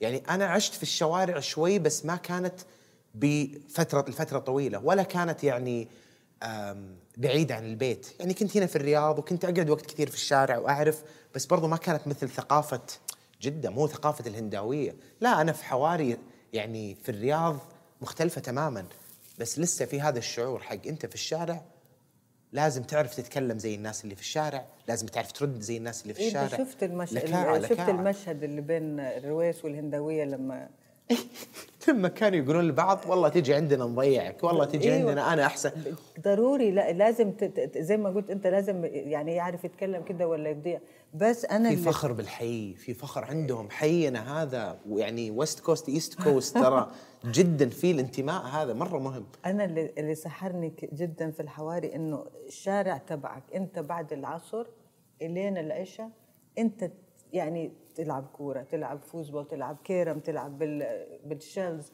تلعب يعني حياة مرة حلوة. وفي عشرين واحد في سنك جنبك. مو تركب سيارة وسواق وتروح تزور صاحبك. عارف كيف يعني؟ حياة حسيتها مرة طبيعية وجدا جميلة فيها حاجات جدا جميلة. حقيقية جدا حقيقية. وتشوفين حتى تعب أنا كنت دائما أحس إنه الشارع يخلي الواحد كذا مغلق على نفسه. لأنه يعني بين أولاد شباب بالاعمار هذه ما حد يتكلم عن عواطفه. خلينا نكون حقيقيين يعني. راح ينوكل لما يتكلم عن عواطف الواحد بينهم. بس عجبني لما في واحدة من المقابلات كذا واحد سألوه إنه كيف تحس؟ قال قلبي يتحرك بسرعة مبسوط مرة ما أدري ليه. كذا اللي قلت يا أخي تعال أعطيك بوسة تعال كذا اللي أيوه برضه في مشهد زي ما قلت واحد مرة. واحد بقول له إيش تبغى تسوي أفلام؟ قال له عن, عن الحب والرومانسيه أكلوه. أيوه أكل. ما في شيء اسمه حب ورومانسيه قال عمي. اول قال أول شيء يكون عندك إحساس. أيوه أيوه. قال لي يا عم عم يا عمي ما عمرك حبيت. فكذا سكت قال لا والله ما عندي. لا لا حقيقيين كان حلو مرة. فكانت وفي وفي ترابط بين ال يعني ال- الجيران كل واحد يعرف كل أحد. أنا ما أعرف جيراني. أنا لو شفت جاري أو جارتي في الشارع أو في محل ما أعرف إنه ده جاري. صح. فهذا الشيء اللي أنا حسيته مفتقدته في حياتي وإحنا يعني وشفته عندهم في الحواري وسحرني وحبيته جدا. مم. حسيت بالشعور هذا وحسيت آه، عجبتني اللقطات وصلت وصلك الشعور هذا؟ جدا جدا جدا. يعني آه، ما كان في أي آه، تمثيل ما كان في أي ادعاء. كان خلينا نشوفهم هم في حياتهم هم وخلينا نشوف أثر الفن عليهم. فلما كانوا جالسين عجبني حتى واضح إنه الناس اللي نظمت ترى السينما ما ما هي جاية من برا من الحواري نفسها وعارفين الأجواء نفسها عارفين إيش قاعدين يسوون. إحنا في كل حارة رحنا كل حارة زي ما قلت لك كل حارة يعني إحنا ابتدينا نجهز المشروع من شهر خمسة وسويناه في شهر 11 10 سوري 10 أكتوبر. فهذه الفترة كلها بنروح وبنيجي عليهم وفي كل حارة كان عندنا منظمين من الحارة من نفسها. الحارة نفسها. كل حارة في من منظمين. وفي من الحواري في الناس مثلا من الهنداوية اللي جدا تعودنا عليهم برضو جبناهم معانا عشان يدربوا الناس اللي في الحواري الثانية كيف. صح. كان في لقطة مرة كذا شدتني لما كانوا آه، جالسين على الزوالي على الأرض وكانوا يرقصون. كان في كذا أربع بنات مع بعض يرقصون كذا اعمارهم تسع سنوات ثمان سنوات. وجالسين يرقصون على الراب اللي كان شغال. وراب راب الحواري. ما هو راب من أي جهة لا. ففي انتمائهم في حياتهم. فمرة يعني event كبيرة بالنسبة لأحد ما عمره شافها. فحلو إنه كذا. متأكد إنهم ما راح ينسون هذه اللحظات. بس برضو حلو إنه ترى هم مو معتمدين على هالشيء عشان ينبسطوا. في لقطات كثيرة لهم كانوا واقفين على الصبات ويغنون مع بعض يرقصون مع بعض. إحنا كنا نيجي نلاقيهم كده إيوه واضح. إنه يلا بسم الله. إيه بالضبط. rolling وامشي. إيوه. ما كان في شيء مجهز. حتى في أشياء كثيرة كانت عشوائية. قاعد أقول كيف لقطتوا هالشيء؟ إلا لو كان ستاتستيكلي هذا الشيء قاعد يصير في كل مكان طول الوقت. لو شغلت كاميرتك في أي مكان راح تلقى شيء حقيقي. فالشيء هذا كان مرة مرة جميل. فالسينما الحارة كانت من البحر الأحمر كمشروع إنه نعرض الأفلام لهم ونغطيها بشكل وثائقي. لا أنا عرضت. الفيلم على عرضت الفكرة على إدوار وأخذت من البحر الأحمر دعم مادي عشان نسوي سينما الحارة وأنا سويت وثائقي عن سينما الحارة وإحنا بنسوي. okay أوكي. فال فالسينما هي كانت المشروع والوثائقي شيء طلع معاها. أيوه. أوكي. آه وفين انعرض؟ انعرض في المهرجان؟ انعرض في المهرجان. أي مكان ثاني غير المهرجان انعرض؟ لا هو خلصته ثلاثة أيام قبل ما انعرض في. المهرجان. wow. آه وفي قدمناه يوم ت- 10 ديسمبر رحنا للمارتن قدمنا له الفيلم شايلينه كذا في hard disk توتر. راح ينعرض في أي مكان ثاني؟ إن شاء الله إيوه. فين؟ آه، أنا قلت لأحمد الملا قلت له أنا هذه السنة جايتك بفيلمين. فلسه ما فتح هو بس أول للمهرجان. مهرجان الأفلام السعودي. حلو حلو مرة. بس لومك هل بيروح منصة؟ هل بيروح digital؟ هل بيروح؟ لسه لسه. آه، يعني في منتجة فرنسية شافته مرة عجبها فبتقول بت يعني بنحاول يمكن حنوديه مهرجانات في فرنسا كمان مرة جميل أول وثائقي تعمليه صح؟ أيوه آه، إيش ارتحتي في العمل فيه أكثر الوثائقي ولا السكريبتد؟ وإيش اللي اللي اللي شادك أكثر لمشروعك الجاي؟ والله آه، أنا ما كنت ناوية أسوي وثائقي ولا كنت ناوية أسوي سينما الحارة يعني جات كده آه، لما سألني أدوار قال تشتغلي معنا قلت له لو أخذنا سينما للناس. فبالصدفه حصلت. يعني أنا ما في حياتي تخيلت إنه أنا حسوي ايفنت زي سينما الحارة. بس يعني جدا شدني. وفي نفس الوقت كنت عارفة إنه شيء ما تسوى قبل كده. يعني أنا ما سمعت في أي محل في العالم أحد سوى يعني بيصور مشهد سينمائي حي قدام الناس. آه فقلت لازم يتصور. يعني أنا دخلت إخراج من background صحافة فما كنت ما كان عندي خبرة. كان بالنسبة لي السينما كده شيء يعني مرة كبير. فكنت أبغى أشيل الرهبة. demystifying أول line كان demystifying انك بالضبط. تشيلي فكنت ال- بشيل الرهبة هذه. الرهبة اللي حوله حتى من هدول الشباب. إنه صح. أنت ممكن تشتغل تمسك boom آه تشتغل تمسك clapper. تشتغل في الإضاءة. يعني في عالم السينما سحر. it's magic ما حد ابدا يقدر يشيل منه ال magic. بس you can demystify ممكن تشيل الرهبة من صح. فهذا كانت واحدة من الأهداف آه، لل- للمشروع. أذكر ولا قاطعك شدتني لقطة لما انعطى واحد منهم ال ال- لما شرح له هذه راح تعكس النور وكذا بعدين قال okay okay طيب خلاص اللي لا تشرح لي. بعدين لما راح بدي اطالع فيها كذا يستكشفها. مرة كانت حقيقية اللحظة مرة. أيوه. ف ف وبعدين قلت خليني أوريهم مشهد سينمائي وبعدين أوريهم فيلم. يعني هذا اللي أنتم شايفينه؟ سوى زيه. عليك نور. طلع منهم وفي نفس الوقت اخترت أفلام كلها عن حياة حواري عن حياة ناس. يعني مو شرط تكون في هوليوود مو شرط تكون يعني القصص اللي هي بيكاس ميسي بغداد ميسي آه نور شمس آه ميكا كلها أفلام يعني عن ناس كده حياتها مو شرط الحياة اللي تتوقع في الأفلام. فيعني أنت أنت قصصك just as valid. صح. قد ما يعني مهمة زي قصة أي أحد. مو شرط تكون بطريقة معينة وعايش في محل معين أو شكلك معين عشان تحكي قصة فيلم تكون رهيبة. صح. وأكثر فيلم عجبهم أنا حسيت إنه فيلم كردي عن ولدين homeless اللي هو بكاس في ولدين homeless أبوهم في أحداث حرب يعني 1990 الفيلم. فولدين كده إخوان بيدوروا على أبوهم بس فيلم كوميدي ويبغوا يروحوا أمريكا عشان يكلموا سوبرمان يدور لهم على أبوهم. أيوه. فهذا الفيلم اللي هو الكر... بالكردي أكثر فيلم شدهم لأنه يعني شافوا نفسهم فيه كده كان في اكشن صح. وبعضهم قالوا ما عمرنا شفنا سينما ما عمرنا شفنا أفلام ما أيوة. عمرنا شفنا أيوة. لا بالعكس كان كان مرة كذا إنساني وجميل في في حبيته. المشهد اللي أنت تكلمت عنه اللي كان في أغنية راب مرة حلوة قاموا رقصوا والمنظمين جو زي لأنه بدأت تصير فوضى. واضح إنه حتى الإمكانيات كانت محدودة وهذا اللي عجبني. ما كانت red carpet وم... لا لا لا. بالإمكانيات الموجودة بالسياج وفي كم واحد واقف.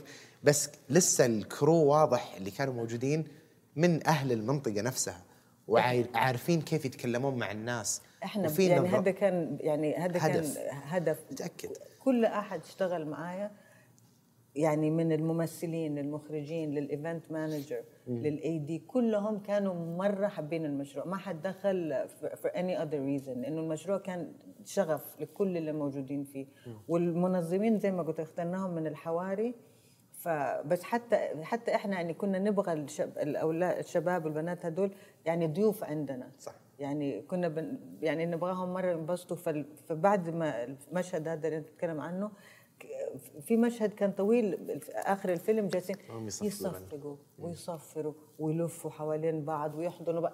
يعني حسيت بالبهجة إنه أحد جاء سوى لهم فعاليه يعني مرة شيء كان بالنسبة لنا إحنا جدا كنا نروح إحنا يعني نحس كده ب- كده بنشوة صراحة اللي كانوا يلحقونكم اللي خلاص صورنا في الهنداوية انتهينا الحين بنروح الحي الثاني بعدين جايين بالسيارة كلهم من الجهة الثانية سلام. واضح هذه صورتوها بعدين لما شفتوهم صح؟ أيوة، أيوة. شفتوهم وصلوا فعجبني إنكم رحتوا صورتوا رحلتهم لها ولحقتوهم أيوه لأنه كنا رحنا مرتين في كل يطلعون حارة. فجأة كذا يا عمي خلاص طب بالله كلم لي فلان بعدين لما يروح يخليه أنت شايف نفسك صرت مشهور وشايف نفسك علي تراك شايف نفسك. بعدين يرجع طالع في أصحابه يرجع مرة ثانية. خلاص تعالوا معي. يلا. إيه مرة لذيذة مرة حقيقية حبيتها. فأنت بتقول لي documentary ولا ف documentary ولا هذا؟ إيش اللي شدك أكثر؟ ف أيوه أنا يعني ما كنت ناوية أسوي documentary بس قلت إنه الحدث من كثر ما هو جديد ورهيب لازم I wanna document فاللي شد اللي شدني قصة هذول الثلاثة الأولاد ما كنا مركزين عليهم في البداية. ابتديت أركز عليهم لأنه ابتدينا نحبهم ابتدينا نتعلق بيهم. يعني اليوم ما رحنا نتعشى مع بعض عشاء السري كلهم قاموا خدمونا كلهم كلهم أكني في بيتهم. يعني حطونا في عيونهم حطونا على راسهم. يعني هذا الإحساس اللي أخذونا محل المعصوب عرفونا على الناس. يعني مرة تعلقنا بيهم إحنا. فالقصة ابتدت شوي تتغير. يعني صار أه- يعني أبغى أركز على سينما الحارة والأحداث بس هدول الثلاثه أولاد اللي ابتدوا يمشوا ورانا وياخذوا ارقامنا ويكلمونا وكده يعني ابتدينا نصورهم. بس أنت في الوثائقي آه، القصة حقتك this is where you discover your story. في الوثائقي ما عندك قصة إلين ما توصل على الإديت. لأنه في, في الفيلم العادي عندك سيناريو وحتمشي عليه. فكان جدا صعب الاديت جدا جدا جدا صعب. أصعب شيء سويته في حياتي اديت حق جوي. لأنه لسه في 600 قصة ثانية كنت تقدرين تحكينها من ال footage اللي عندك. بالضبط ولازم تركز على قصة ولازم تسوي قصة ومو ريبورتاج هذه مش صحافة. صح. لازم يكون في مشاعر ولازم يكون في narrative arc وكان كنا جدا مضغوطين في الوقت لأنه كان المهرجان already announced الفيلم وأنا دوبي أنا خلصت تصوير أول أسبوع في نوفمبر وهم حاطينه في ال program 13 ديسمبر. 13 ديسمبر فكان جري جري جري سبع أيام في الأسبوع أشتغل مع two different editors واحد ياخذ يومين إجازة أشتغل مع الثاني واحد ياخذ يومين إجازة أشتغل مع يعني كده كان شيء شوية جنان. بس آه، بس طلعت منه قصة وعجبني في كان في الجانب العاطفي شفته ترى. أكثر من مرة الولد اللي كان واقف اللي عمره 13 يقول أنا أكبر إخواني أتمنى إني أصغر واحد. ليتني كنت أصغر واحد. آه لسه يبغى يعيش طفولته صح؟ إنه أنا الموضوع كل شيء راكب على رأسي البيت كله. بعدين لما بدأ يحكي عن أروح البقالة أشتري خبز أشتري حليب أشتري بعدين كذا اللي قام يعد كل شيء. واضح إنه عايش في هذا الشيء. مرة جبن سائل مرة مربى مرة كذا اللي حقيقي حقيقي ما في وعجبني إنك ما, سويتي كت هنا. خليه ياخذ راحته. هذا هو طبيعته يتكلم. وهنا تبدأ تطلع آخر كلامه هذا طلع منه كذا الجانب العاطفي. بعدين في آخر سين لما تكلم عن إنه شوي أنا مبسوط وحزين بنفس الوقت. مرة انبسطت إنكم موجودين بس زعلان إنكم بتروحوا. واضح إنه كذا الأفلام دخلت سوت شيء في حياتهم وطلعت.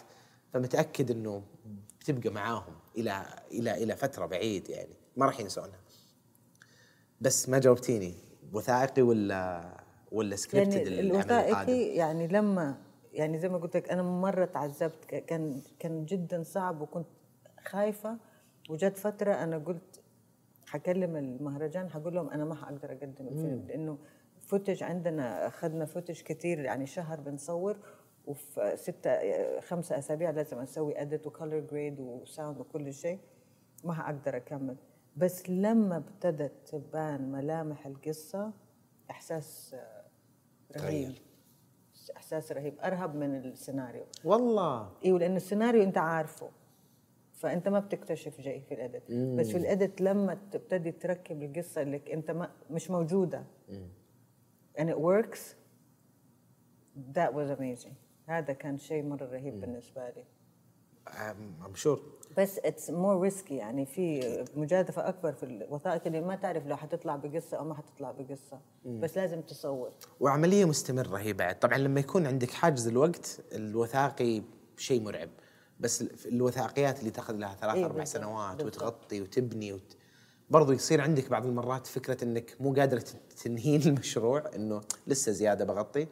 بس زي ما قلتي الوثائقي لما خلاص آخر شيء تطلع القصة منه فيها شعور أفضل بكثير. آه بس الأشياء اللي جاية شغالة عليها حاطة في بالك مساحات معينة تبغي تروحين لها genres معينة TV ولا فيلم ولا documentary ولا شورت ولا feature فكرتي فيها ولا لسه بتريحي بعد ال- اللي صار؟ أنا حريح بس أنا مرة نفسي أسوي آه، آه، مسلسل آه، درامي آه، يعني crime drama يعني جريمة قتل limited series يعني مسلسل كذا محدد إنه يبتدي وينتهي. راجع للروايات اللي كنتي تقريها وانت صغير. إيوه إيوه. مرة مرة أحب ال أنا أحب ال murder اللي هو ذكي اللي هو يخليك تفكر اللي اللي تتكلم عن حاجات كتير. مثلا إنك أنت مثلا تسوي murder mystery عن مثلا مدينة جدة. مثلا يعني مستشفى. فيها الفقير وفيها الغني وفيها المقيم وفيها ال ال المهم المواطن. وحياتهم كلها كيف تجتمع في- جريمة قتل جنب هذه المستشفى. يعني شيء هذه الحاجات اللي تشدني. اللي اللي تشدني اللي اللي قصة تحكي قصة عن عن المدينة كلها من خلال جريمة واحدة أو قصة واحدة. فهمتك. والله الصراحة أنت تستاهلين break بعد اللي سويتيه كله. وتستاهلين break بعد الجلسة الطويلة اللي حكينا فيها بس صراحة شكرا لك. أنا مرة انبسطت. آه مرة انبسطت باللي شفته مرة انبسطت إن جلسنا وحكينا مع بعض ومتحمس للمرات الجاية اللي نقعد نحكي فيها على كل عمل جاي بإذن الله. الله يسعدك. شكرا محمد. thank you so much شكرا. الله أنا يسعدك. كمان انبسطت جدا يعطيك والله. العافية. شكرا لكم. يعطيكم العافية شباب. جدا